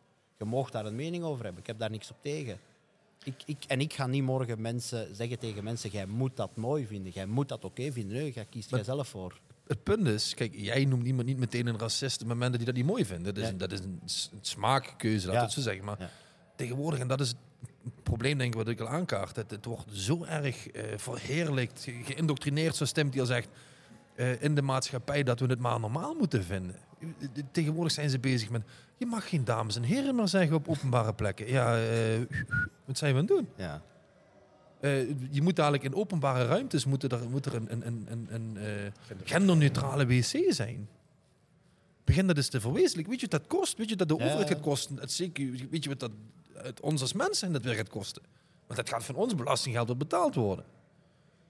En wij hebben het, geloof ik, al niet heel erg makkelijk eh, financieel gezien. Althans, wij mogen nog niet klagen, denk ik. Althans, maar het gros van de, van de bevolking, eh, die, die zijn elke man en kijken dat ze überhaupt rond, rondkomen. En dan gaan we dan zo'n shit doen. Dan denk ik mezelf, ik denk dat er wel zwaardere problemen de wereld zijn, waar op dit moment gewoon geld naartoe moet in plaats van eh, genderneutrale wc's. Ja, het spijt me. Ja, ik wil het vooral niet hebben over al de conspiracy theories dat je erachter kunt zoeken als waarom dat iets zo gepropagandeerd wordt en zo wordt er massamanipulatie, eigenlijk bekend over eh, brainwashing, dat wordt eh, gebruikt bij de kinderen tegenwoordig en op het onderwijssysteem. Hier in Nederland en België valt er nog een klein beetje mee, maar in Amerika is echt de waanzin. En zoals je net ook zei, denk, you do you, leven en laten leven, zolang iedereen gelukkig is en zijn eigen dingen wil doen, oké. Maar ik vind het wel een beetje onrealistisch als die mensen ook verwachten dat die meteen 100% over de hele lijn geaccepteerd gaan worden als je als duidelijk uitziende man rondloopt als een vrouw gekleed. En dat bedoel ik niet verkeerd, maar dat valt op. Net zoals hij met zijn getatoeëerde kop ook opvalt. Jij met, jullie met jullie baard ook. Hè? Als ik in een Marcelleke tanktop zou rondlopen over een drukke winkelstraat, dan gaan mensen ook naar mij kijken. Maar dat mag opeens allemaal niet meer. Dat is zo'n beetje onrealistisch dat ze dat verwachten, dat van iets dat opvalt mag niet meer bekritiseerd worden. Hè? Iets dat buiten de norm is. En dan beginnen ze zich op te drinken met inderdaad alles van eh, pronouns, dat worden verplicht eh, afgedwongen worden om te gebruiken, bepaalde genderneutrale spraak, zoals eh, geachte mensen in plaats van heren, dames en heren. Ehm, en dat wordt nu momenteel ja, in de media ook heel erg doorgedrongen. En dat is vooral het probleem, dat de media ons vertelt dat dat allemaal op die manier moet gebeuren. Want dat is hetgeen dat wij geloven, dat de meeste mensen toch geloven. En als de media zegt dat dat de normale gang van zaken is, dat wij op die manier gaan praten, dat wij die pronouns gaan gebruiken, dan gaan mensen ook geloven. En dat is echt een actuele zaak. Daarom dat we het moeten doen. Ik eh, kijk al twee jaar geen tv meer. Hè. Ik heb gewoon geen eh, tv-zenders meer of niks. Dus ik kijk, ja, het enige wat je inderdaad nog ziet, inderdaad, is social media. Maar ja, goed, dat is vaak hetgene wat je zelf wil zien. Maar ja, het is... ehm, ik, ik, ik vind het, ik vind het sch- schrikwekkend eigenlijk. Ik vind het eh, eh, ja, iets waar je zelf denkt van, waar gaat het naartoe? Weet je, waar gaat het naartoe? Op het moment, de, de laatste Olympisch gewicht, eh hefster, heffer, ik weet niet, ik- ja... Ik, Ja, ik, wil die, ik wil die vrouw, man niet bekritiseren of wat dan Nee. ook. Maar op het moment dat jij als geboren man je laat ombouwen naar een vrouw, of in ieder geval je wordt van man naar vrouw, en je gaat dan met het Olympisch gewicht heffen, ga jij meedoen bij de vrouwen? Ja, eh, ja, die discussie En is al gevoerd. En er zijn ook meer en meer spotverhaads dat er echt wel van aan het afstappen zijn Ja. van omgebouwd of getransitioned mannen laten meedoen bij vrouwen. Concurrentie. Er zijn ook genoeg bewijzen en voorvallen gebeurd ondertussen van vrouwen die dan hun scheel bij elkaar werd geslagen tijdens een bokswedstrijd met een getransformeerde man. Maar omdat je vraagt van waar gaan we naartoe, ik denk eerlijk gezegd dat er vrij veel hoop is. Want volgens mij, allez, volgens mij, al die mensen dat daar inderdaad nu momenteel voor aan het vallen zijn van ik ben LBGTQ+, whatever, ik ben een, eh, een furry of een zus of een zo, ik, ident- ik identificeer mij volgens het, whatever. Het zijn gewoon, net zoals we net over hadden, zijn mensen die zich speciaal willen voelen. Het zijn ook mensen die zich willen rebelleren tegen de norm. Hè? Daarom dat je heel veel van die kinderen vroeger had van dat eender wat dat uitging, dat terug zei, dat was ook om te rebelleren tegen wat dat mocht. En daarom dat ze ook in de tijd zijn gevallen, ik ga mijn haar blauw ik ga mijn haar roos verven, ik ga dit doen, ik ga dat doen. Dat is ook om te rebelleren tegen wat er de gevestigde waarden zijn. Wat je nu ziet in Amerika, heb ik recent iets van gelezen, is wat dat nu bijvoorbeeld de jeugd doet om te rebelleren tegen de norm wat dat nu is geworden, al dat transgender gedoe, die gaan naar de kerk. Die beginnen te sporten. Die gaan naar de kerk. Omdat dat geen is dat, dat niet van hen wordt verwacht. Dat al hun jeugd, die zijn, dat zich speciaal voelen, die zien er allemaal hetzelfde uit ondertussen. Hoe kunnen nog speciaal zijn als iedereen roos haar heeft en blauw haar? Nee, dat zijn dan die jongens waar, die gaan naar de kerk, die beginnen te sporten, die beginnen al die traditionele dingen terug te doen. Dat is hun manier van rebelleren. Dat is altijd een pendulum. Hmm. Ze zitten momenteel echt aan de extreem linkse kant van het spectrum, maar echt overdreven links en overdreven bigoted. En dat is gewoon aan het terugdraaien. Dat is een kwestie van tijd. Je kunt natuurlijk niet zeggen wanneer het dat gaat zijn, maar als je nu al naar de sportschool kijkt, en ik kom af en toe wel in een sportschool, jullie hebben er een. Als je ziet wat voor een aantal dat er is van 16-jarige jongens, dat gewoon komen groepjes van drie of vier. Dat gaat allemaal gewoon terugkomen. Nog eventjes een extreem rechts is terug. Nee, sorry, dat is een mopje. Maar zoals ik zei, het is actie-reactie. En dat kan niet blijven duren. Want er zijn meerdere mensen die zich tegen aan het verzetten dat ook gaan durven van sorry, maar wij hebben helemaal geen zin om onze eigen vrijheid af te geven door dat we onze spraak moeten laten eh, beïnvloeden door bepaalde regels. Dat gaan over dingen dat biologisch helemaal niet gestaafd zijn. Maar goed, ik heb er hoop in. Dat is hetgeen dat ik ermee probeer te zeggen. Ja, dat, is, dat is denk ik ook wat we, waarom, we, waarom we ook dit gesprek voeren. Om gewoon onze mening daarover te geven en zeggen van oké, dat, is, dat is hoe wij het zien. En misschien daarin andere mensen willen bereiken. Hè. Natuurlijk zullen een paar mensen tegen de kop stoten en die denken van eh, jongens, waar hebben jullie het over? En dat kan je niet maken, dat kan je niet zeggen. Want dat is ook het probleem van tegenwoordig. Je mag niks meer zeggen, je kan niks meer denken, eh, je mag je mening niet geven. Want op het moment dat jij je mening geeft wat niet de mening is van iemand anders, dan ben je alweer de, de bozerik. En, Ja. eh, Nee, nee, conspiracy theorist ben je Ja, tegenwoordig. of hè? een antivaxer. Nee, ik denk dat- Het is geen zin om een vaccin te nemen. Alles mag gezegd worden en dan is dat nu de keuze om dat je dat beledigend vindt of niet. En of dat je daarop wilt gaan reageren. En dat is ook een keuze die je zelf maakt. Ik krijg ook dingen naar mijn hoofd geslingerd en ik kies, laat ik me daar raken of niet. En dan heb je nog het mooie, is, ehm, waar je het net over hebt. Ik denk bij mezelf, hebben jullie niks beters te doen? Open Facebook en kijk eens hoeveel reacties daarop staan van mensen. Dat ik bij mezelf denk van, hebben jullie niks beters te doen? De hele Ja. dag alleen maar kijken wat er gebeurt op de wereld. En dat zijn diezelfde mensen die ook thuis zitten met een depressie. Hè? Ja, want zij zijn allemaal depressief en allemaal verward, eh, al die mensen, als ze op dat genderdysforie eh dingen liggen. Maar ze verwachten wel dat wij ons liefste spiegelen aan hun. Wij moeten ons laten vertellen dat we ons moeten gedragen, denken aan dingen door mensen die niet eens gelukkig zijn met zichzelf. Sorry, maar dat is volgens mij geen pad om te bewandelen. Maar kijk ook gewoon, even terug naar het vorige van die pendulum, kijk ook gewoon naar de populariteit van bijvoorbeeld hier in Nederland een Tibor, een, eh, een Miro, hè, met die Hard Ja. Times United Strong Men. Dat, dat krijgt zoveel tractie. Ik zeg het, dat is gewoon een kwestie van tijd. Ik heb er hoop in. Ja, kijk, ik, we horen er niet op dit moment, eh, mogen erbij, we horen erbij in ieder geval, eh, we mogen daar de derde editie gaan we mee organiseren. Ehm, ik denk inderdaad dat het heel erg goed is. En waarom inderdaad? Tegenwoordig zie je steeds minder ehm, jongens die wat de guidance hebben van een man. Hè, inderdaad, eh, heel veel mensen ook door social media, door eh allerhande dating apps, hè, mannen, vrouwen die wat dan op een gegeven moment ja, we swipen weer naar de volgende. Weet je, echte relaties bestaan bijna niet meer. Weet je, mensen hebben geen zin meer om effort te stoppen in iets wat. Ja, waarom? Ik kan morgen kijk naar de volgende toe. Dus, maar dat is wel wat onze kinderen, de nieuwe generatie, meekrijgt van hun ouders. Dus ja, heel veel kinderen die, die- ja, inderdaad, eh, die worden opgevoed door een alleenstaande moeder. Eh pa en ma zijn nooit thuis. Weet je, ze, ze krijgen geen basis meer mee. Er zijn geen goede rolmodellen gewoon meer tegenwoordig. Normen, en waarden tegenwoordig. Shit, hey, heb je gezien hoe kinderen van 15, 16 jaar tegenwoordig doen tegen ouderen? Als ik vroeger niet u tegen mijn oma zei, klets! Ja. die- Twee woorden. Ja, toch? Mijn Ik denk- vader moest nog maar eens kijken en we wisten al van oké, nu moeten we zwijgen. Nee, maar op scholen. Leraren worden uitgescholden. Ja. En je mag niks meer doen. Ouders komen dan naar school. Want, hè? Nee, dat doet mijn kind helemaal niet. Ze krijgen het helemaal niet meer mee. Dus dat is hetgene wat, ja, je hebt er van de ene kant de hoop in dat het steeds beter wordt. Maar dan zal er toch heel veel nog moeten veranderen. Er gaat nog heel veel weerstand ook zijn voordat we daar raken, want er is momenteel wel een beetje een oorlog tegen mannelijkheid aan het gaan. ja. Het gaat een kwestie van tijd zijn voordat ze ook gewoon achter alles wat dat dit wereldje betreft gaan aanvallen. Want dit... Allee, sorry, maar ik ken geen enkele gespierde... Of sorry, ik ken geen enkele man dat met zijn eigen bezig is, met zijn eigen lichaam, zijn eigen dieet, een correcte testosteronwaarde heeft, dat links is. Kennen jullie iemand? Nope. Denk het niet. Dus wij worden, wij, dat is een kwestie van tijd voordat ze ook ons gaan targeten. Dat ze gaan zeggen van fitness is slecht. En er zijn al zo'n artikels vergeten van zo alt-right wing, fitnessboys en al die dingen. Dat de media ons begint zwart te praten. Dat wij precies allemaal, omdat wij gewoon een beetje voor onszelf willen zorgen dat wij second coming of Hitler zijn. Kijk, Arnold Schwarzenegger heeft natuurlijk ooit gezegd, slechte publiciteit bestaat niet. In de zin van, op het moment dat jij eh, ehm, hè, in het nieuws komt, noem maar op. Er, zijn altijd mensen er zullen altijd mensen zijn die achter jou staan. Die zeggen van, hé, hey, wacht even. Maar Ja. hij zegt, klopt gewoon. Dus door zo'n dingen kun je eigenlijk weer een grotere aanhang krijgen. Dat is punt één. Maar ja, punt twee, Aaron zegt net, je mag zeggen wat je wil.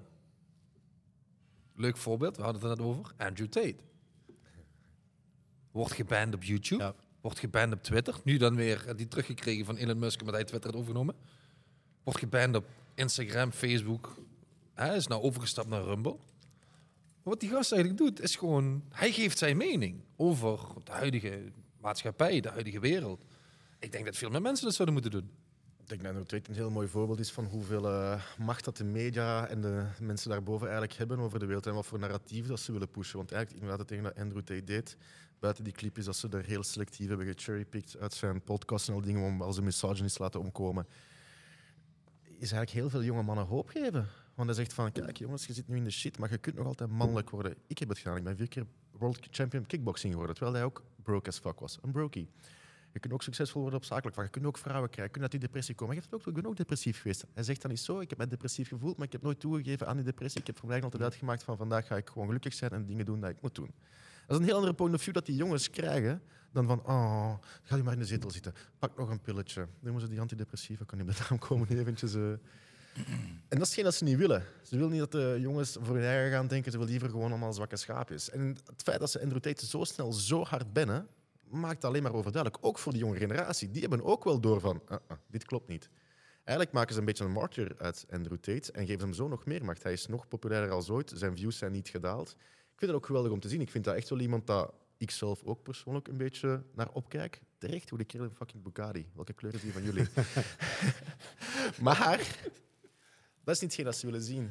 Dus eh, dat is een hele eh, interessant verhaal geweest om heel die bennen te zien. Ik denk inderdaad, zoals Timothy zegt, dat je gaat bepaalde mensen afstoten en inderdaad door het hem te bannen minder in de kijker zetten. Maar er gaan ook genoeg mensen zijn die juist daardoor nog meer geïnteresseerd worden. Ja, heel veel En mensen, uiteindelijk- ook heel veel mensen die Andrew Tate nog niet konden gaan. Hey, Ja, ja, ja. Hij komt sinds het nieuws. Ja. Ik kreeg ook ooit de opmerking van een marketingbureau van ja, je bent veel te direct en te cru hè, om klanten aan te trekken. Ik zeg ja, maar ik heb er genoeg en ik wil ook alleen maar dat select groepje dat er echt voor gaat werken en dat die rest, de rest mij een klootzak vindt en dat ik veel te hard ben, dan is dat maar zo, dat interesseert me niet. Daardoor trek ik juist die mensen aan waar ik graag mee werk. En ik moet niet iedereen hebben, ik moet de juiste mensen hebben. Nee, maar 100%. Maar dat is, ik denk dat het, hè, is, te lang is het een, een, een feit geweest dat ehm, als we nou maar gewoon normaal doen, dan doen we gek genoeg. En dat, Ja. dat was de norm. Ja, zoals van ga gewoon naar school, zoek, zoek- zie gewoon dat je die, eh, studeert en een diploma haalt en al die dingen. Zie gewoon dat je binnen de regeltjes blijft wandelen. Terwijl iemand als, zoals Andrew Tate van zo net, dat die zegt van nee, fuck school. Je moet gewoon je eigen ding doen. Want als je via school wilt en via diploma's gaat, je nooit zo rijk worden. Nee, maar ik, ik- denk ook dat heel veel dingen die we tegenwoordig nog op school ehm, onderwezen worden, eh, je hebt daar in het dagelijks leven helemaal geen fuck aan. Wat? Wat precies? Weet je, eh, ja, je hebt economie, maar leer je daar nou eigenlijk nou precies hoe je met financiën moet omgaan? Nee. De bedoeling van school is ook nooit echt geweest om ons te onderwijzen natuurlijk. Hè. Dat is gewoon om je in een bepaald Ja, vakje te duwen. Van kijk, jij kunt. Op school leren ze je om de, re- om de regels te volgen. Ja, Ja. van 9 to 5 naar inderdaad. school gaan. Maar ze gaan daar in de inderdaad niet leren van hoe maak ik van 1 euro 2 euro. Dat leert je niet op school. Hè. Ze nee, nee, nu gewoon nee. van je moet gaan werken en dan krijg je daar een bepaald bedrag voor. Ja, inderdaad. What the fuck? Ja. Ja, het mooie vond ik laatst, ik had, eh, is een, een, een, een, was ook ergens een filmpje en, en die vrouw die legde dat op een gegeven moment een goede manier uit. Kinderen die wat geboren worden zijn heel puur. Die zijn echt. Hetgene wat ze voelen, dat doen ze. Mhm.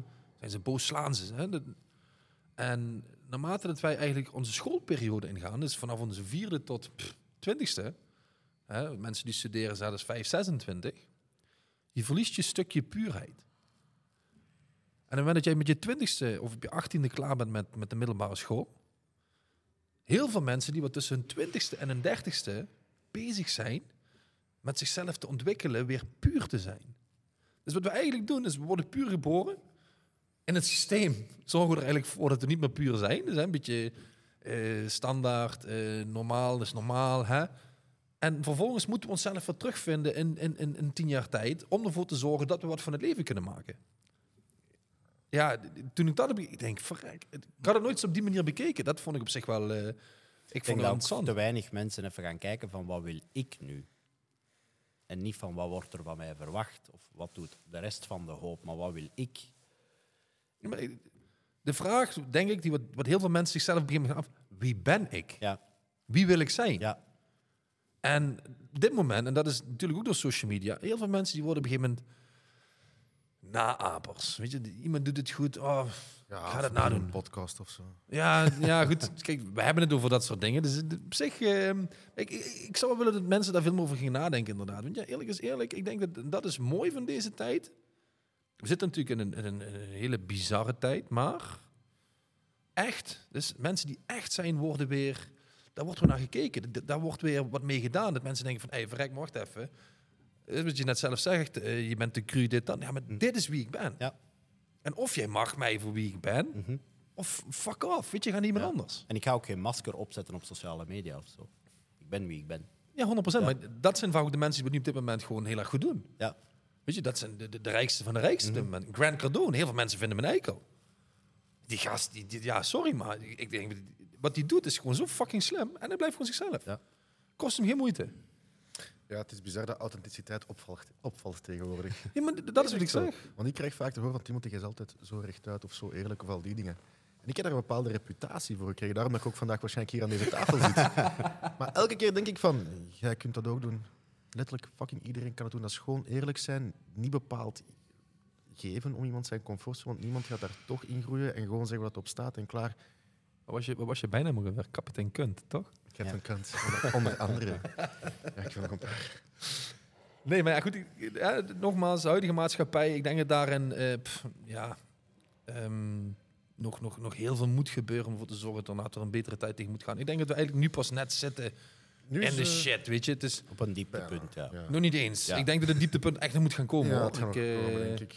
Hè, dat- je gaat kijken naar de recessie waar we nou in zitten. Ja. Ja, ja steeds van mensen inderdaad die wat thuis zitten, eh, depressies hebben, eh, zichzelf zielig vinden. Ja, Dat is inderdaad ook een heel groot punt waar ik mij mateloos aan kan ergeren. Dat is dat zelfmedelijden. Dat is ja, een van mijn grootste ergernissen bij klanten ook. Ja, we hebben het er vaak genoeg over gehad, Ja. inderdaad. Hè? De, de, de special snowflakes, Ja. zoals we noemen. Maar nou komen we op het volgende punt. Eh, hoe gaan wij het beter krijgen? Door een goed rolmodel te zijn. Want zoals ik net zei, van de jeugd heeft gewoon geen, rolmodellen, geen goede rolmodellen meer. Want als we de media te zien krijgen is van alles is oké. En weer een transgender nieuwsreporter dat er nu weer is en dit of dat. Of weer al iemand dat gecanceld wordt omdat hij iets heeft gezegd over de joden. Kan niet best. Ehm, maar jullie zitten hier in een heel mooie positie, jullie alle drie eigenlijk. Want jullie zitten hier met een sportschool dat jullie heel veel van dat soort volk over de vloer gaan krijgen. Jullie een positieve invloed over kunnen hebben. Jij kunt dat via je coaching doen. Mhm. Ik via mijn memes. Maar wij kunnen gewoon niks beter doen dan gewoon ons best zijn en toch eens een bepaalde vorm van mannelijkheid bl- blijven uitdragen. En door vooral ook niet toe te geven aan wat dat de, aan de richting dat de maatschappij nu aan het opgaan is. Want dat is het ergste dat we zouden kunnen doen.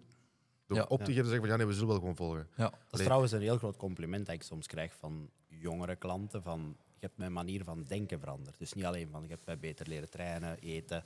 Maar mijn, mijn visie op het leven is veranderd. Dat dan ook gewoon aan hoe beïnvloedbaar dat die kinderen en mensen zijn en jongeren zijn op die jonge leeftijden. Want ze zoeken echt wel zo iemand. Dat is, dat is gewoon een, een sportman dat tegen hun praat. Hè. Ja, maar dat, dat, dat merken wij hier ook wel. En ik denk over het algemeen... eh, ehm, nou, dan denk ik dat we alle vier wel een, een, een, een imposante fysiek hebben. In die zin dat, hè, waar, waar eh, jongere, jongere jongens in principe wel tegenop kijken. Ja. Van, bof. Eh, ze hadden we laatst een, een, een school hier inderdaad. En ja, we waren allemaal een beetje aan het, eh, aan het kutten en het klooien, noem maar op. En ze mochten een les te les, mochten ze zelf bepalen wat ze hier deden. Nou de jongens willen natuurlijk allemaal bang drukken. En eh, in het begin zie je nog dat ze een beetje, een beetje rotzooi zijn, noem maar op. En ik bankdrukte op een gegeven moment 200 kilo. En je ziet al die gasten denken zo... Die vergeten dat nooit trouwens. Maar, maar, maar, maar dat is wel de manier waarop dat, dat, je, dat je op een gegeven moment ehm, een impact maakt op die mensen. En het, het kan iets heel kleins zijn wat ervoor zorgt dat je een aandacht krijgt.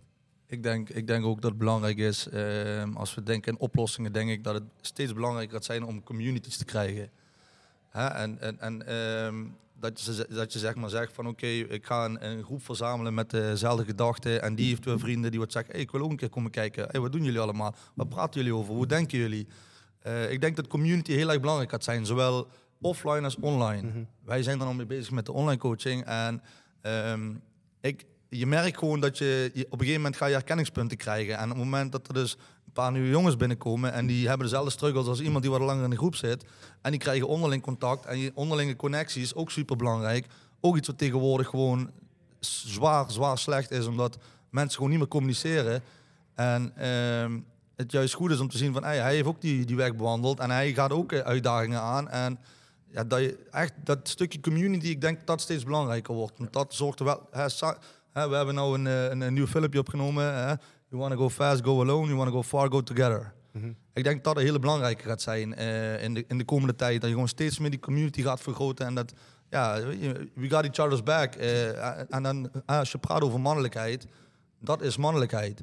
En samen uitdagingen aangaan, samen elkaar ook uitdagen. elkaar in de ogen kijken en zeggen van, hey, stel je niet aan, kom, geef eens gas. Hè, dat, dat gaat heel belangrijk zijn, vind ik. Ik denk dat dat iets is dat mijn echte vrienden zijn ook allemaal van die mensen. En dat zijn vaak mensen die militair geweest zijn, motorbendes. Maar dat is inderdaad, zoals je daar juist zegt, van die zijn er voor elkaar. Ja. En dat is iets dat vandaag de dag nog heel weinig bestaat.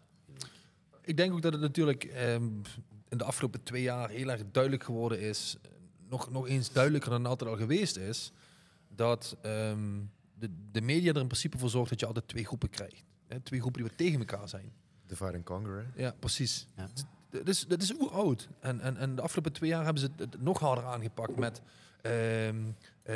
Corona. Black Lives Matter, eh, corona, de- Oekraïne. de, de Oekraïne, de Zwarte Pieten kwestie. Ik weet niet, verzin iets en het is altijd hetzelfde geweest. Daarom dat we ook, zoals we het vertellen, niet op straat komen tegen de overheid. Omdat we zo bezighouden door al die dingen. De media zegt, dit is een probleem, dat is een probleem. Wij zijn depressief, we hebben de krijg de macht niet. Het is ook oké om depressief te blijven, het is niet oké om sterker te worden.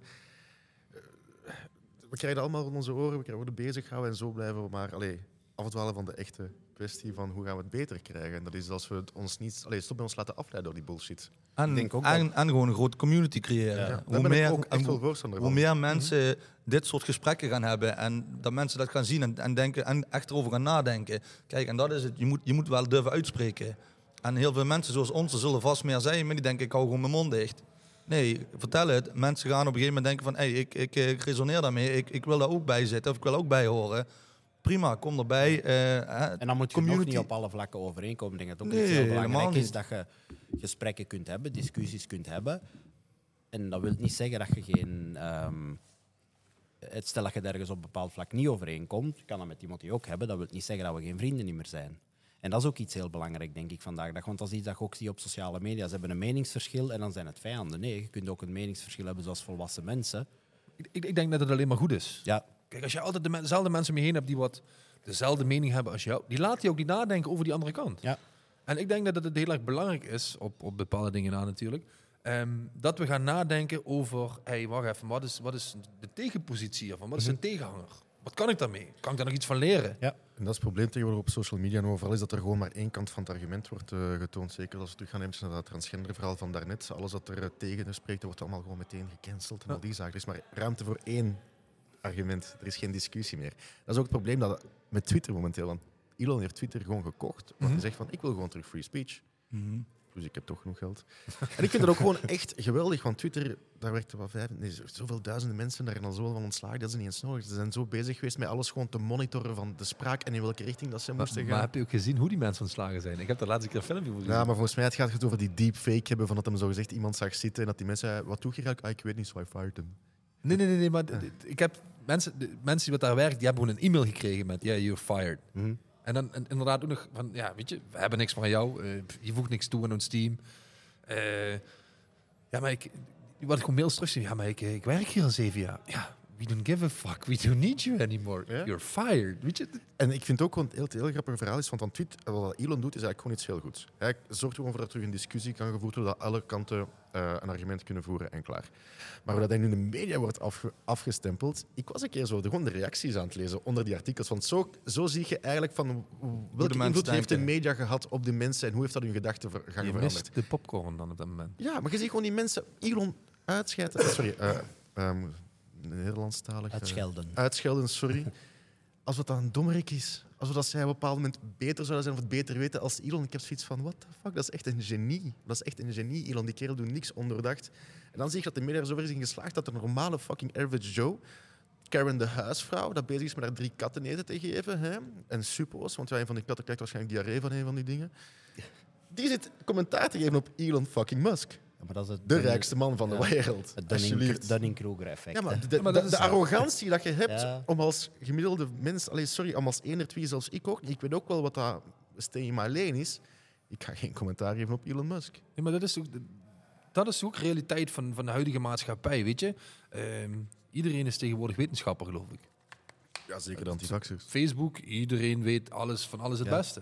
Dat is zoals ik altijd zeg, je eet, dus iedereen denkt dat het een voedingsexpert is. Maar, dat is ook hetgene wat we dus op dit moment alleen maar aan het doen zijn, weet je. We luisteren niet eens van elkaar. Dat is het, ik denk dat het grootste probleem... Ook al heb jij een mening die wat, waarvan ik zeg, van, maar het is niet mijn mening. Op het moment dat ik met jou in gesprek ben, kan ik twee dingen doen. Ik kan naar jou zitten knikken, niet luisteren. Of ik kan eens bij mezelf gaan nadenken van, hey, wat zegt hij eigenlijk? Wat kan ik daar uithalen? Dat ik bij mezelf kan denken van, oké, hey, wacht even. Ik ben het niet compleet met hem eens, maar hij heeft een punt. Dus ik kan er slimmer van worden. En dat is denk ik een van de grootste fouten die we in de, in de, in de, de huidige maatschappij maken. We- Punt één, we leven veel te snel. Ja, we willen, we willen pff, van, van, van A naar, naar Z in twee dagen. Maar we luisteren niet meer naar elkaar. Er wordt niet meer op een, op een fatsoenlijke, normale manier met elkaar gecommuniceerd. Omdat mensen ook niet meer willen nadenken. Ja, maar ook omdat mensen onderling worden gepolariseerd. Hè. Want bijvoorbeeld van het recente scenario, het coronaverhaal. Ik heb mij laten vaccineren. Ik was meteen een antivaxer. Hè. Maar als je op een familiefeest Heb je komt... niet laten vaccineren. De enige reden dat ik niet heb gedaan was gewoon dat ik dacht van, weet je, die wappies hebben al heel vaak gelijk gekregen. Ik ga nog zes maanden wachten. En na die zes maanden zoiets van, maar, dat is niet nodig. Toen was ik plots een antivaxer. Maar goed, dat terzijde. Ehm maar gezegd van, we kunnen niet genoeg communiceren. Dat is ook omdat we bezig zijn met te discussiëren over dingen dat er niet te doen. Hè, zoals dat vaccinatie en al die dingen. Even ook Karine, omdat we in de media meteen worden gepolariseerd. Stel je voor een, eh, het Amerikaanse kiesysteem, eh, zoals eh, democraten versus republikeinen. Laten we eerlijk zijn. Trump, domme oranjeharige man, die heeft heel domme dingen gezegd, heel domme dingen gedaan. Maar heeft ook heel veel goede dingen gedaan. Maar ze hebben gezegd van, ik ben best fan van Trump. Als je moet vergelijken met Joe Biden, en als er één iemand die fan is van Joe Biden, fuck off. Dan zeg je meteen een of andere fucking nazi. En zo werkt dat niet. Dat zo meteen, zodra je achter één iemand aansluit, bijvoorbeeld in België we ook bepaalde politiekers dat wat rechtser getint zijn. En dat zijn ook gewoon best oké. Dat zijn ook heel goede standpunten. Maar zodra je zegt van, ik ben daar fan van, ik ga daarop stemmen. Maar, oh, Een goed argument blijft een goed argument, zelf al komt dat van iemand die je misschien... Waar Nee. je niet op alle vlakken... En je moet ook niet meteen met alles akkoord gaan van dat Ja. argument. Nee, nee. Zoals, want ik pak geen Nee, maar dat- vaccinatie, maar ik ben Ja. niet meteen akkoord dat er 5G zit en Nee, nee, Klaus kijk, Schwab en ja. al die dingen. Je- Laat mij gewoon gerust, was mijn mening. Je, je hebt natuurlijk altijd hè, een, een- een- een argument waar dan een, een, zo'n lading aan vast zit. Hè. Dat is vaak ook nog eens. Hè. En, en welk deel van die lading is daadwerkelijk waar? En welk deel van die lading kunnen we een vraagteken bij zetten, dat het zo zeggen. Weet je? Dus, ik zeg altijd van... Maar dat is wat ik net probeer duidelijk te maken. Op het moment dat je dus een gesprek hebt met iemand en diegene die heeft een andere mening, laat diegene vertellen waarom. En hetzelfde met het moment dat ik met iemand een gesprek aanga die wat een, een, een bedrijf heeft, in een compleet andere branche als ik. Maar die gast die wat al miljoenen per jaar draait, ik wil altijd luisteren naar zo'n persoon. En waarom? Ik kan er alleen maar slimmer van worden. Ja. Ook al doet hij iets compleet anders. Ook al zegt hij van, je doet dit en dat verkeerd. Ja. Dan ga je je eigen laten tussenkomen van, ah, fuck you, wat weet jij ervan, dat is hier mijn gym. Nee, dat moet je juist leren eens, eh, appreciëren, denk ik. Precies, maar dat, mensen kennen niet meer tegen kritiek. Nee. Ja, kritiek wordt altijd meteen eh, persoonlijk aangevallen. Weet je, de, mensen voelen zich zo. Ja. Op de tenen getrapt. Mensen zijn gewoon zo entitled dat ze niet het gevoel hebben dat ze zich moeten verdedigen, hun mening. Snap je? Hun mening, hun gevoel is wet. Hetzelfde met dat transgender verhaal van, ik ben een vrouw. Maar dat Als ik nu een- zeg, een ik ben een vrouw, in theorie zou je mij niet mogen tegenspreken. Punt. Want ik heb dat net gezegd. Mag Dat is wat ik mij voel. nee, maar... Dat is het probleem. Mensen zeggen van, ja, ik, ik voel me zo, ik ben tegen them pronouns. En ze zijn meteen, je mag ze niet meer tegenspreken, dan meteen, dat is de wet. Niemand wil zijn eigen nog uitleggen van zodra ze hun eigen mening hebben gevormd. Ze staan niet meer open voor een andere kant van het verhaal. Omdat hun mening gevormd is Door emoties vaak. Ja, door de Door emoties. feiten of... Ja. ah. Nog één grappig ding trouwens, grappig, over de anorexia-verhaal. Ik vind dat altijd zo grappig is van dat die mensen zeggen van ja, maar ik identificeer als DDM of ik ben dit of ik ben dat. Ah, dan zegt de, mees- de maatschappij of de dokter, ah oké. Maar als er iemand naar de dokter gaat en zegt van ik ben anorexia, maar ik heb een BMI van 10, gaat de dokter niet zeggen van ehm, nee, nee, nee, je, je zit echt wel op gewicht hoor, je zit echt wel goed, eh, je zit gewoon perfect. Nee, je hebt fucking anorexia. En dat is Je bent te, ongezond. je bent te mager, klaar. Maar als iemand anders gaat, nee, dat moet meteen gewoon geloofd worden. Want die anorexia die gaat ook denken van ik, in mijn hoofd ben ik te dik. Ja. Dat is ook gewoon een waanidee. Maar dat is een beetje het, hetzelfde eh, verhaal als mij inderdaad vrouwen testosteron geven om man te worden, maar mannen die al een tekort hebben, die het niet krijgen. Ja. Of bodybuilders voordelen op PED gebruik, maar wel Ja. kinderen vanaf achter. Ja. Nee, maar dat, dat hè, je hebt het natuurlijk net over testosteron. Ik denk volgende verhaal, en dat is het natuurlijk, we hebben het net gehad over ehm, echte mannen. Wat houdt, het- wat houdt het nou eigenlijk in om een echte man te zijn? Ja, goed. ehm, Ik denk dat voor heel veel mensen kan dat, kan dat heel breed, kan heel specifiek, whatever. Alleen, inderdaad, we hadden het net al besproken. De laatste 50 jaar is de gemiddelde testosterongehalte bij de mannen met 50% gedaald. Pff, Ik vind nogal wat. Ja, Het- maar, en het wordt echt niet beter. maar volgens de normwaarden is er geen probleem, want die zijn gewoon evenredig uh, ja, ja, laag verhaal. Ja, ja. Maar dat is ook hoe dat ze bloedwaarden bepalen. Hè. Ze nemen gewoon van x aantal personen bloed en ze gaan een gemiddelde bekijken en dat wordt als normaal gezien. Niet Hè. per se gezond. Nee, maar ja, kom misschien op het volgende punt. Hè. Dat- Ik denk dat hè, de hele maatschappij dus nou in elkaar steekt. Ehm, we leven in een, in, in een comfortzone. Hè. Jullie gaven het al aan, hetzelfde met een stukje voeding. Er is altijd eten, er is altijd Mm. drinken. Ehm, die realiteit die ligt, die ligt daar inderdaad dat wij niet meer uit onze comfortzone komen. Nou goed, wij proberen natuurlijk hier, bijvoorbeeld met, het, met een stukje ijsbad, om mensen weer uit hun comfortzone te laten stappen en Mhm. dat laten, te laten ervaren. Nou, zeggen, oh, daarna energie. eh, ehm, maar ook daardoor daalt natuurlijk een heel groot stuk van het testosteron. Ja, de maatschappij is gewoon helemaal niet meer ingesteld om je testosteronwaardes op een normaal peil te houden. Van fysiek labeur toe zitten we nu achter een eh, computerscherm op een stoel heel de dag lang. We hebben geen sociale contacten meer zoals vroeger. We zitten gewoon te swipen op Tinder. We moeten niet meer jagen voor ons eten. We moeten ook niet meer jagen voor onze bedpartner, snap je? Als we gewoon eventjes dopamine boosten we gewoon porno poppen, we trekken er eventjes aan. Dat is allemaal geregeld voor ons lichaam, snap je? Ons lichaam heeft niet meer de incentive om ons mannelijk te maken en mannelijk te houden, om ons te doen jagen of ons die drang te geven om iets te gaan veroveren. Want we moeten niks meer veroveren. We moeten geen hert meer gaan jagen op de steppen of zo. Wij kunnen gewoon takeaway.com of Just Eat hier in Nederland bijvoorbeeld bestellen en klaar. Seks, eh klaarkomen, orgasmus, YouPorn, whatever. Of een one-night stand dat je op Tinder hebt gezien. Het is allemaal zo gemakkelijk geworden. We krijgen niet meer de impuls om ons te moeten ontwikkelen als man, om mannelijker te worden. Want ik heb het zelf ook gedaan. Ik ben ook gestopt met porno te kijken. Het eerste dat ik wou doen was gewoon elk vijf gaan drukken. Snap? Ik kreeg echt die drang terug om wat te gaan veroveren. Maar ehm, dat is geen dat bij veel mannen mis tegenwoordig. Ze worden gewoon mak gehouden. Ze, ze krijgen overal dopamines en al die dingen. Want de meeste mensen weten niet, maar zodra zij kan scrollen zijn op je gsm en voor Instagram, elke nieuwe afbeelding dat ze zien, dat triggert dopamine Ja. in je hersenen. Dat is een novelty, dat is een nieuwigheid. En zo word jij gewoon bezig gehouden. Nieuwigheid, nieuwigheid, nieuwigheid. En ik ben er ook wel... Ik heb er ook moeite mee gehad. Ik heb er nu momenteel ook moeite mee van gewoon op mijn gsm te scrollen, zoals heel veel mensen. En je moet eigenlijk back to basics gaan als man. Dingen doen dat gezond zijn, zoals gezegd, die ijsbaden. Je eigen uitdagen vooral. Fysiek labeur gaan doen, interacties doen. Mannelijke dingen doen, zoals dingen veroveren. Zoals een echte vrouw echt versieren bijvoorbeeld. Dat geeft ook een heel andere vorm van... Allee, serotonine release, eh, fysiek contact, huid tegen Zullen wij drie niet meer doen, want dan krijgen we problemen. Denk ik. ja, niet. Maar ehm, daar moeten we ons mee bezighouden. Want zoals we zeiden, wat is de oplossing? Ja, we moeten die communities doen, we moeten samenstikken en al die dingen. En dat community doen, dat is helemaal niet zo moeilijk. Want er zijn genoeg gelijkgezinnen momenteel. Er zijn elke jongen, 14, 15, 16, whatever, elke puber wil een man worden. Wat de media ook vertelt, dat willen geen Barbies worden. Ik weet dat nu de media zegt van ja, maar die doen een jurkje aan, dit en dat en zo en zo. Maar laten we eerlijk zijn, toen wij jong waren. Hè? En we zijn allemaal puur gestart. We zijn allemaal ongeveer met een gelijke sleet gestart. Als je Arnold Schwarzenegger zag, ja, sorry, maar ik wou er zo uitzien hoor. Dat is geen dat je nu moet voeden aan die kerel. Je moet die betere impulsen geven, betere doelen. Hè? Niet als doel stellen van ik wil een, belangrijk, ik wil een eh, populaire Fortnite Twitch-streamer zijn, of dat dat ook allemaal noemt. Maar dat is wel extreem tegenwoordig. Hè. Met beroepen, kinderen tegenwoordig. Moet je, wij vroeger werden ons gevraagd, de baas, wat wil je laten worden? Brandweerman. Ja. eh. Ik zei gewoon rijk. maar tegenwoordig is het eh, influencer, Ja. YouTuber. Eh, Maar let op, let op, dat is in theorie is ook nog niet, niet verkeerd, want beroepen veranderen ook gewoon door de jaren heen. Mm. Snap je wat er vroeger... Vroeger, ja, schoenmaker, dat bestaat ook niet echt meer. Hè? maar nee, vroeger maar waren mensen dat ik- schoenmaker worden. Ik snap het wel, maar dat is... Althans, ik herleid het dan eh, even naar het stukje... We willen weer op zo snel mogelijke manier rijk worden. Maar het is ook een heel hol beroep. Snap je, YouTuber en influencer, het is een heel hol beroep. Het heeft niet echt veel voldoening. Welke voldoening geeft het? Dat je likes ziet passeren, dat is geen echte voldoening. Hè. Nee, Ja, waar ik en Timothy het daar straks ook over hadden, op weg naar hier, is veel influencers willen het dan doen lijken alsof ze echt zijn, maar dat echt laten lijken, zoals huilen voor de camera en zo, is ook weer gewoon een manier om aandacht te krijgen. Dat is niet met de juiste intenties. En ik denk dat dat belangrijk is, dat als je, want het is natuurlijk een groot bereik dat je hebt via die kanalen, maar dat je het met de juiste intenties ook doet. Het probleem met influencer, van zodra dat je influencer wordt, is het gewoon een strijd elke dag om relevant te blijven. En je ziet, ik ga nu even gewoon het op het fitnesswereldje betrekken, hè, maar ja, dat begint heel gemakkelijk. Hè. Eerst begint dat met mijn eerste prep.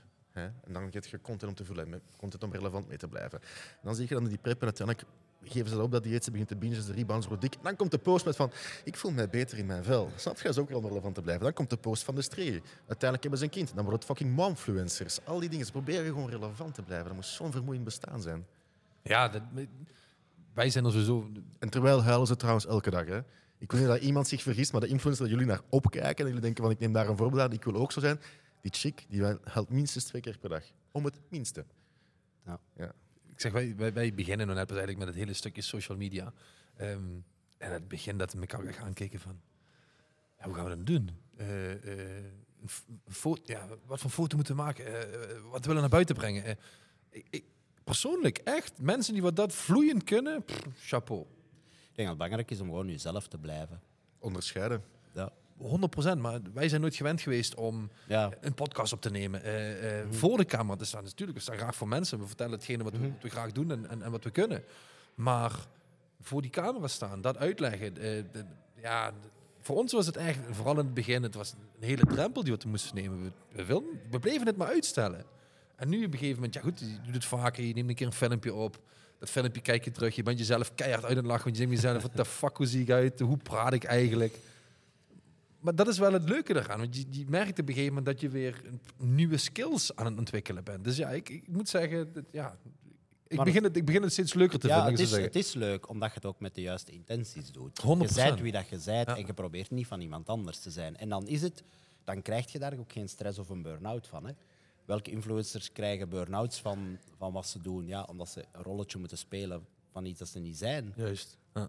Als je jezelf bent, dat is niet vermoeiend. Hè? Dus als je zelf zegt, ik ben, met mezelf aan het lachen. Dat is geweldig. Zelfspot, dat is het beste dat er is. Dat is echt waar een van de beste skills die ik leer. Dat je hebben gewoon een beetje met je eigen kunnen lachen. En kritiek kunnen hebben op jezelf ook. Ja. Ja. Gewoon heel goed beseffen wat je wel nog beter kunt doen. Ja. Ja, want- ja, de meeste mensen kunnen... Ga er even stop. Wie is dat zo'n schreeuwen? Grootste, het grootste ding wat we al gezegd hebben, inderdaad. Hè? De, de, de, ja, ja. We hebben eventjes slap geduld over voeding en training, wat dat weinig mensen gaan interesseren. ja, maar dat zie je op al de posts van die Ja, video's. dat Dat is is ook Nee, overal het, punt wat mij ging op een gegeven moment, natuurlijk, we zijn, eh, eh, ja, jij bent ook vaak genoeg op een bodybuildwedstrijd, helpt mensen wel eens gewoon zo voor je plezier. Nou, wij doen het groepsmatig, dus ik had wel zoiets van, oké, prima. Ehm, ik vind het leuk om het over realiteit te hebben en over alles waar we net over gehad hebben, maar ik denk ook wel dat het belangrijk is, en vooral in de, in de fitnesswereld waar we in zitten, dat het heel belangrijk is dat mensen gewoon nog informatie krijgen waar ze daadwerkelijk iets aan hebben. Ja. In plaats van aan die random bullshit wat ze natuurlijk op, op social media vinden en een of andere gekke influencer die wat eh, knielend eh, voor de Mm, seated row eh, in, in, ja, dan denken we gekke zelf, wat de fuck zijn we aan het doen, Ja. jongens? Weet je, ga op dat bankje zitten en beginnen. Ja. en- ja. Dus, dus daarom dacht ik van, oké, weet je, we beginnen even met wat eh, basic info. Sorry dat het te lang geduurd heeft, eh, Ja. Timothy. Ik was niet alleen. Ik was niet alleen. Ja. hè.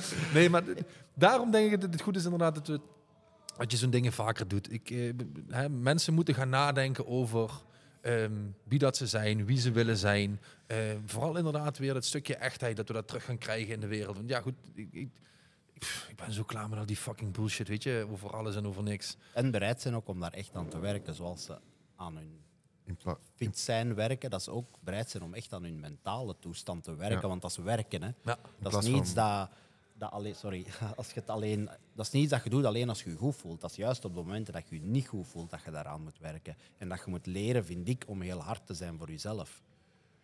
Ja, ik denk dat het sowieso belangrijk is dat, de, dat, de, dat we weer wat harder worden in deze wereld. Weet je, we krijgen een. eh, we hadden het over het boek Hard Times Create Strong Men. Ehm, ja, die gast die praat over de pussification of society. Weet je, ik voel me daardoor niet per se aangesproken. Maar als ik dan om me heen kijk, denk ik bij mezelf, ja, waar de fuck zijn we mee bezig? Weet je, we creëren steeds meer een, een, een softere en nog softere generatie die wat niks meer gewend zijn, die wat inderdaad hun kon aangedragen willen krijgen, vooral niks willen doen voor een stukje beter te worden. Ehm, ja, ik, ik vind het, met momenten vind ik het, eh, vind ik het lastig, vind ik het moeilijk. Eh, in discussies kan ik er ook soms best wel heet gebakerd in gaan, ehm, om, om, omdat ik het niet begrijp. En ik wil het, dat is een punt misschien, ik wil het ook niet begrijpen. Het is ook gewoon hun verhaal, niet Omdat onze. je zo niet wilt zijn. Nee, maar ik, ik, wil zo ook niet naar de wereld kijken. Weet je? Nee, Dit- ja. Het is de realiteit op dit moment, maar dan denk ik bij mezelf... Wij gaan dat wel veranderen. Weet je? Mhm. En daardoor vind ik dit gewoon belangrijk... dat we dat met gelijkgestemden samen zitten, het erover hebben... ehm, en, en andere mensen hopelijk kunnen gaan uitdagen... om daarover na te gaan denken van... ja, weet je... Hopelijk, hopelijk zijn er een aantal mensen die we dadelijk gaan kijken... die wat zeggen van... eh, fuck, eh, ik, ben, ik ben zelf een beetje zo'n mietje geworden, man. Ja, moesten die mensen zijn, dan kijk ik dat we er alle vier voor openstaan van stuur ons gewoon een bericht. Ja, precies. Ja. Klaar, ik doe constant wandelingen of al die dingen met mensen dat ik eigenlijk zo goed als niet ken. Dat zijn meestal mannen. En dan begin ik mij over heel hun leven te vertellen en al die dingen. Nou, dat is geen dat ik graag doe. Ik verbind gewoon graag mensen. Ik laat gewoon graag mensen op hun shit praten. Ik geef hen dan ook een... Ah, dat die community gewoon groter wordt. Ja, je moet Dus- gewoon... Allee, dat is het tegen dat ik kan zeggen is van als man voel je gewoon nooit te goed to reach the fuck out. Ook al is het maar gewoon voor een wandeling zoals ik vaak ga doen. Voor kerstmis heb ik nu bijvoorbeeld drie mannen uitgenodigd dat ook gewoon anders niks te doen dat ik niet eens eigenlijk echt ken. Maar ik doe dat graag.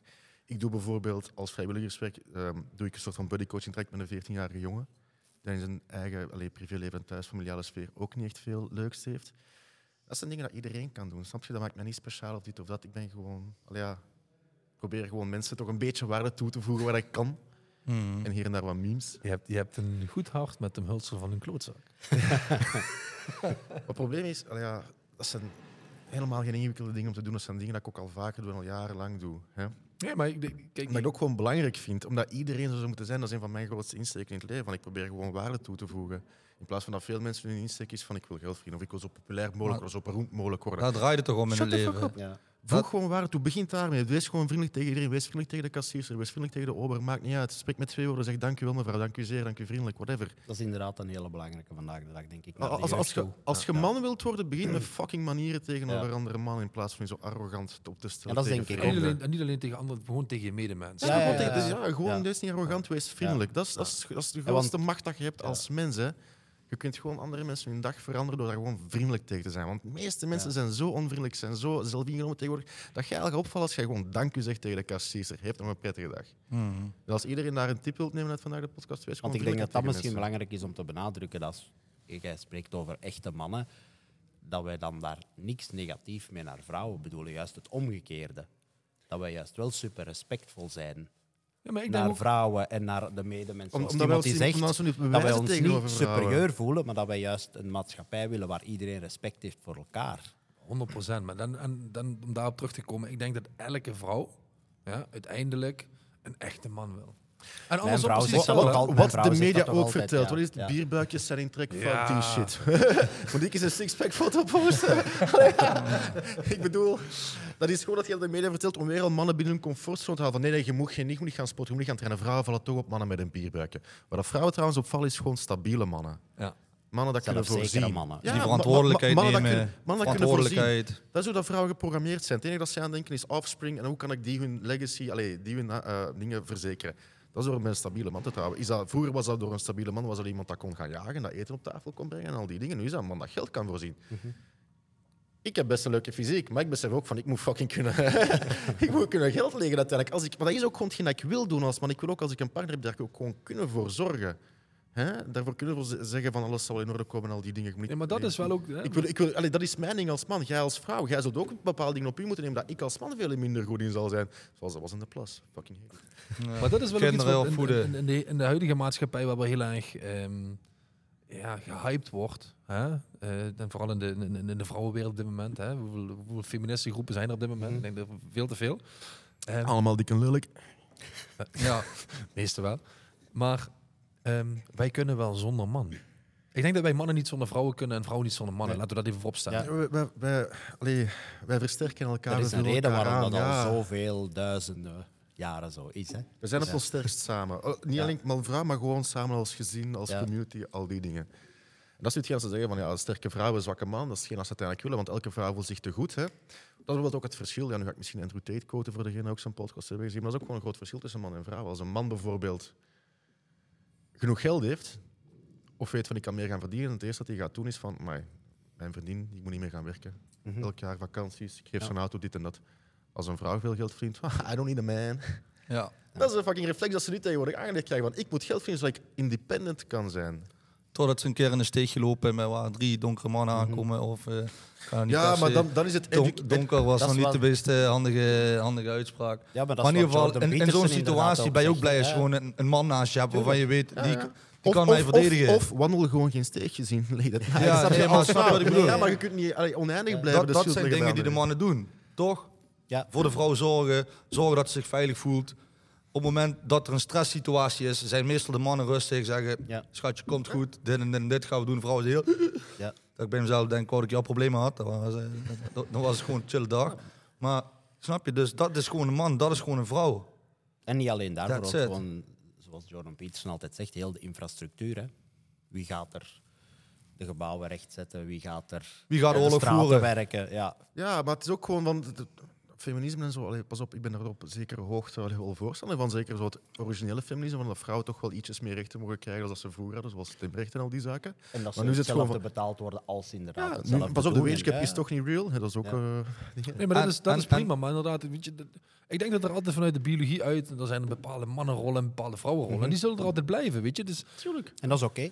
Maar ja, dat is oké, maar de media zegt dat dat dan niet oké is. De feministen zeggen dat dat niet oké is. Ja, maar ja, goed, weet je wat, dan ga jij de vuilnis buiten zetten. En daar zijn ze ook te goed voor op dat moment. En ik mezelf, ja, mij maakt het niet uit als man zijn die vuilnis buiten zet, weet je. Ik weet, dat is mijn taak. Als die vuilbak vol is, ik maak hem leeg, punt. Mhm. Om een heel stom voorbeeld te geven. Ja, hoeveel, hoeveel vrouwen willen het niet doen? Omdat ze het vies vinden. maar dan kom je- de zak is te zwaar. Ja, Dan kom, je, off, dan kom je ook nog terug op het volgende stuk. En dat is, we praten dan wel over echte mannen. Maar hoeveel echte mannen zijn er nog? Dus ik kan me voorstellen dat een hele hoop vrouwen zeggen, eh, doe maar dit, doe maar dit. Omdat, ja, dat, dat is geen echte man. Een echte man die is gewoon duidelijk, zegt gewoon luister zo en zo. En niet, eh, dus we hebben het over echte mannen. Maar omdat er zo, we- zo weinig echte mannen zijn, ga je ook deze, deze verhouding krijgen. En, en het stukje van wat, mannen en vrouwen, En dat wat is het, wat is het ja. verschil nog? En vrouwen voelen dat ook aan. want tuurlijk. waarom beginnen ze mannen dat is te- wat ik te bedoel. commanderen? Dat is wat ik bedoel. Omdat ze merken, oké, het lukt. Juist. Als het niet lukt bij een man, gaan ze dat Ja, ook niet doen. En precies. pas op, ik moet mijn vrouw ook niet commanderen. Hè. Ik ben nee, ook nee, niet superieur. Hè. Maar omgekeerd ook niet. En dat is iets, als ik vaak mannen zie, je ziet soms in de winkel, hè, dan zie je mannen lopen en die vrouw is daar, die, die gewoon aan het afsnauwen. Dan denk ik, sorry, maar mijn vrouw moet in de openbaar zo niet doen tegen mij. En ik ook niet tegen haar, voor alle duidelijkheid, maar dat is wederzijds respect. En dat is ook gewoon weg. Voor zowel Hmm. de man en ook vaak voor de vrouw. Het is langs geen, geen een van de twee kanten oké. Ja, maar het hele verhaal van zwakke mannen, ster- eh, sorry, eh, zwakke mannen, sterke vrouwen, dat maakt ook gewoon het, eh, het hele hebben van een relatie tegenwoordig ook zo moeilijk voor heel veel mensen. Want de verwachtingen liggen compleet anders tegenover vroeger. Vroeger was dat van, ja, je ontmoet iemand en is die goed voor je ja of nee, samen een toekomst opbouwen en dit en dat. Maar nu tegenwoordig vrouwen, en zowel mannen ook, die zien op social media andere dingen passeren van andere relaties, van andere vrouwen, van andere mannen. En dat is allemaal roze geur en maneschijn. En we krijgen een onrealistisch beeld van hoe een relatie wel of niet moet werken. Ook in de media wordt er verteld, of in die vrouwenboekjes van, doet je man dit of doet je man dat, of zus of zo. Het is allemaal zo moeilijk niet. Ja, maar het is op een gegeven moment, ik denk altijd, kijk, ehm, elk huisje heeft zijn kruisjes, zoals we hier in Nederland zeggen. Ehm, ik denk op een gegeven moment dat het gewoon heel belangrijk is dat je altijd kijkt naar jezelf. Steve Harvey zei laatst op een gegeven moment een keer, als jij in een relatie zit met een vrouw, de enige twee mensen waar jij rekening mee moet houden is met elkaar. Ga jij jouw relatie bespreken met jouw moeder? Ja. She's gonna shit up, eh, fuck shit up. Ja. Ga jij je relatie bespreken met vriendinnen of met, met, met eh, vrienden? Ja het gaat verkeerd lopen. Dus de enigste pak die wat jij met elkaar moet maken is met z'n tweeën en that's it. En dat houdt je relatie sterk. En alles wat je daar buiten gaat gooien, of wat je daar buiten gaat zoeken, of eh, de vergelijking die je gaat maken met, oh kijk hoe hun een relatie voeren. Ja, maar het is niet hetzelfde. Weet je, hun het zijn twee andere personen. Dat kan je niet vergelijken met elkaar. Maar dan moet je natuurlijk leren communiceren. En dat is iets dat veel mensen niet meer doen vandaag de dag. Dat is waar. Ik, ik denk dat daar, als we. Hè, alles valt en staat, elke goede relatie valt en staat op hoe goed dat die communicatie is tussen die mensen. Kijk, en, eh, of het nou een zakenrelatie is, een, een, een partnerrelatie, een, een, een relatie tussen, tussen vrienden onder elkaar. Op het moment dat je niet meer kunt, eh, je niet meer kunt uiten, zeker je niet meer kunt luisteren naar elkaar, of, of hè, die communicatie, daar is gewoon een te groot verschil in. Pff, het gaat niks van worden. Ja. Maar stop ermee. Aan de verwachtingen, dat de verwachtingen duidelijk zijn. Wat verwacht je van mij? Kan, ik kan ik die wel ja, ja, ja. waarmaken. Ja, Ja. Dat is denk ik inderdaad een hele belangrijke. Ik ga geen relatieadvies geven, ik ben 33 en single. dus, Nee, maar eh, dat is denk ik all wel een hele belangrijke, dat je daar gewoon eerlijk over bent in het begin van een relatie. En dan, ja, als je van in het begin merkt van, kijk, dit gaat niet werken, want we hebben andere verwachtingen, heel hard, maar dan kun je er ook al misschien best mee stoppen. Precies. En nu doen ze voort, dan maken ze nog kinderen en dan... Maar het, maar het probleem is dat ze gewoon in het begin ook niet zichzelf zijn. Ja, Omdat je het maar goed wil doen voor de ander. ja, Want ze ziet er goed uit, of hij ziet er goed uit. Dus ik moet me naar hem zijn eh, dingen Ja. gaan gedragen of naar die van haar. Als je gewoon vanaf het begin gewoon eerlijk bent Ja. en inderdaad eerlijke gesprekken hebt en gewoon jezelf bent, dan zou ook wel een hele hoop eh, minder kinderen op de wereld zijn, denk ik. Ja, want dat is wel Ja. wat gebeurt. Maar eh, kinderen die maken inderdaad de relatie beter en eh, Ja. wordt, de band wordt beter inderdaad. En daardoor hebben we veel single-parent kinderen gekregen de laatste tijd. En single-parent kinderen die hebben gewoon geen eerlijke kans op een...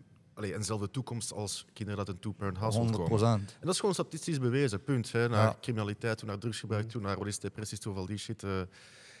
En dat is gewoon de fout van de ouders dat te gemakkelijk opgeven. Te gemakkelijk in die situatie zichzelf ga- eh, verzeild raken. Sorry, van ah, we hebben het een beetje slecht. Oh, ik ben toevallig zwanger, ik zal het maar houden. Dat is misschien nog hoop voor de relatie. Hmm. Met partner dat totaal niet geschikt is om dat kind op te voeden. Uiteindelijk gaan ze uit elkaar en dat kind is eh, de dupe van alles. En dat, dat is ook gewoon het probleem. Want dat zijn kinderen dat... Allee, kinderen zonder vaderfiguur, natuurlijk gaan die naar eenderd waar gaan opkijken en door eenderd wat verward kunnen zijn. Want ze weten niet hoe dat- allee, wat dat een goede invloed is op hun. Hè. Ja. Het is inderdaad belangrijk wat je zegt, dat, dat mensen ook geen moeite niet meer doen voor een relatie. Ja, Het gaat voor- even slecht en dan stoppen we er maar mee. Het is, eh, kijk, mensen maken fouten, dat doen we allemaal. Ja? Ehm, als, als puntje bij paaltje komt en je hebt een fout gemaakt en je leert van je fout, kun je er alleen maar beter voor worden. Dus Ja. ik denk dat hetzelfde is in een relatie. Met een relatie maak je fouten, je hebt, je hebt, je hebt eh, hoogtes, je hebt dalen, je hebt alles bij elkaar. En op het moment dat je daar met z'n tweeën aan werkt, en dat is vaak inderdaad hè, in, de, in de huidige maatschappij natuurlijk één groot probleem. Want ja, pff, het is veel gemakkelijker naar de volgende te gaan, hoef niet naar mezelf Mhm. te kijken. Dat is vaak Ja. ook een punt. Ehm, denk ik dat je er uiteindelijk alleen maar nog beter uit kunt komen. Hoeveel mensen kennen jullie die wat op dit moment een relatie hebben van langer dan 10, 15 jaar? Weinig. Nieuwe generatie. Ja. Daar ben ik nog te jong voor. Nee, nee, maar Nee, nee, weinig. het- het- je vindt het bijna niet meer. Nee, nee, nee. Ik, ik, vind dat, eh, ik vind dat zorgwekkend, toch? En ik denk dat vroeger was het inderdaad, bleven ze hoe dan ook samen. Ook al was het echt niet oké, was ook niet goed. Kijk, als je niet gelukkig Nee. bent samen, moet je Ja. ermee kappen klaar. Ja. Maar Maar nu is het totaal tegenovergestelde. Maar En dat is vroeger, ook niet vroeger was er ook eh, geen slide in je DM. Ja. Ja, ja, er was geen vergelijking. Ja, als, je toen, bedoel, als je toen ruzie had, ging je op de zetel slapen. Ja. Ja, dat was snap het. je? Het was niet van, ah, fuck deze bitch. Ja, dat bedoel ik. Ja, Ja, ja. het, zijn, het zijn ook gewoon hele andere tijden. Ja, en, en als je, en als je naar buiten kon gaan, het enige mensen dat je ging zien waren die op café bij wijze van spreken. Nu meteen, allee, ja, je zei ook maar zo trouw als je opties in veel scenario's. Ja, Ja, maar dat is ook gewoon is zo. feit. feit. En als je opeens zoveel opties krijgt, ja, dan is het ook moeilijk om trouw te zijn. Zeker als man zijnde dat nooit bevestiging heeft gehad, of als vrouw zijnde dat nooit bevestiging heeft gehad. En dan krijg je een relatie opeens te maken met temptation. Ja, dan ga je daar gemakkelijk voor gaan. En dat is ook gewoon heel belangrijk, die, die bevestiging. En die, en die, weet je, op een gegeven moment, mensen gaan gewoon dingen voor lief nemen en denken van ja. Maar uiteindelijk willen we allemaal gewoon toch af en toe die bevestiging hebben. En dat gebeurt ook niet meer. Weer dus door de slechte communicatie. Want als jij elke na zoveel tijd even samen gaat zitten en elkaar in de ogen aankijken en zegt: hey, dit vind ik chill, dat vind ik chill, dat vond ik even minder. Ja. Maar dit heb ik gezien, snap je? Dat is ook belangrijk.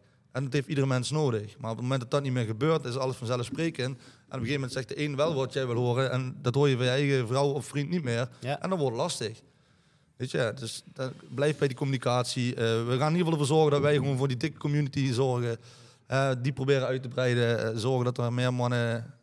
Ja, en als er Belgische jongens, mannen zijn dat er naar kijken, stuur mij gewoon een berichtje. Aaron heeft het toch te druk. Bij ons, bij ons zien hem die toch hetzelfde. Ja, ik, ik denk dat het inderdaad belangrijk is dat we dit vaker doen, laat ik het Ja. zo zeggen. Hè. Dat we naar de buitenwereld inderdaad toe laten, laten blijken van, hey, weet je, je zijn niet alleen. Ja, er zijn genoeg mensen die wat hier op deze manier over denken. Er zijn genoeg mensen die wat op deze manier ook hard aan willen werken. Eh, Er zijn genoeg je met- mensen dat man willen worden zijn, momenteel. zit je ermee inderdaad, stuur een gaan willen berichtje. werken. Ja. Ik wil jullie in ieder geval hartstikke bedanken voor, eh, voor jullie komst, voor deze, voor deze nou, ja, de eerste mooie podcast die Oh, we een samen kunnen doen. Ja, Eh, wie weet worden dat nog meerdere in de toekomst. eh. Ehm, het zal dadelijk inderdaad op onze social media kanalen. Nou goed, we zullen het filmpje natuurlijk naar jullie Ja. te sturen. op onze YouTube komen te staan. En eh, ja goed, ik, ik hoop dat jullie het hoop dat leerzaam vonden. Aangenaam. Ik hoop dat we Aangenaam verstaanbaar vonden, ja. waren, vooral voor de Nederlandse kijkers. Eh, we ja. kunnen de ondertiteling erbij Ja, zetten. dat zal nodig zijn. Hey. Jongens, hartstikke bedankt en eh, gedaan. tot de volgende keer. Bye bye.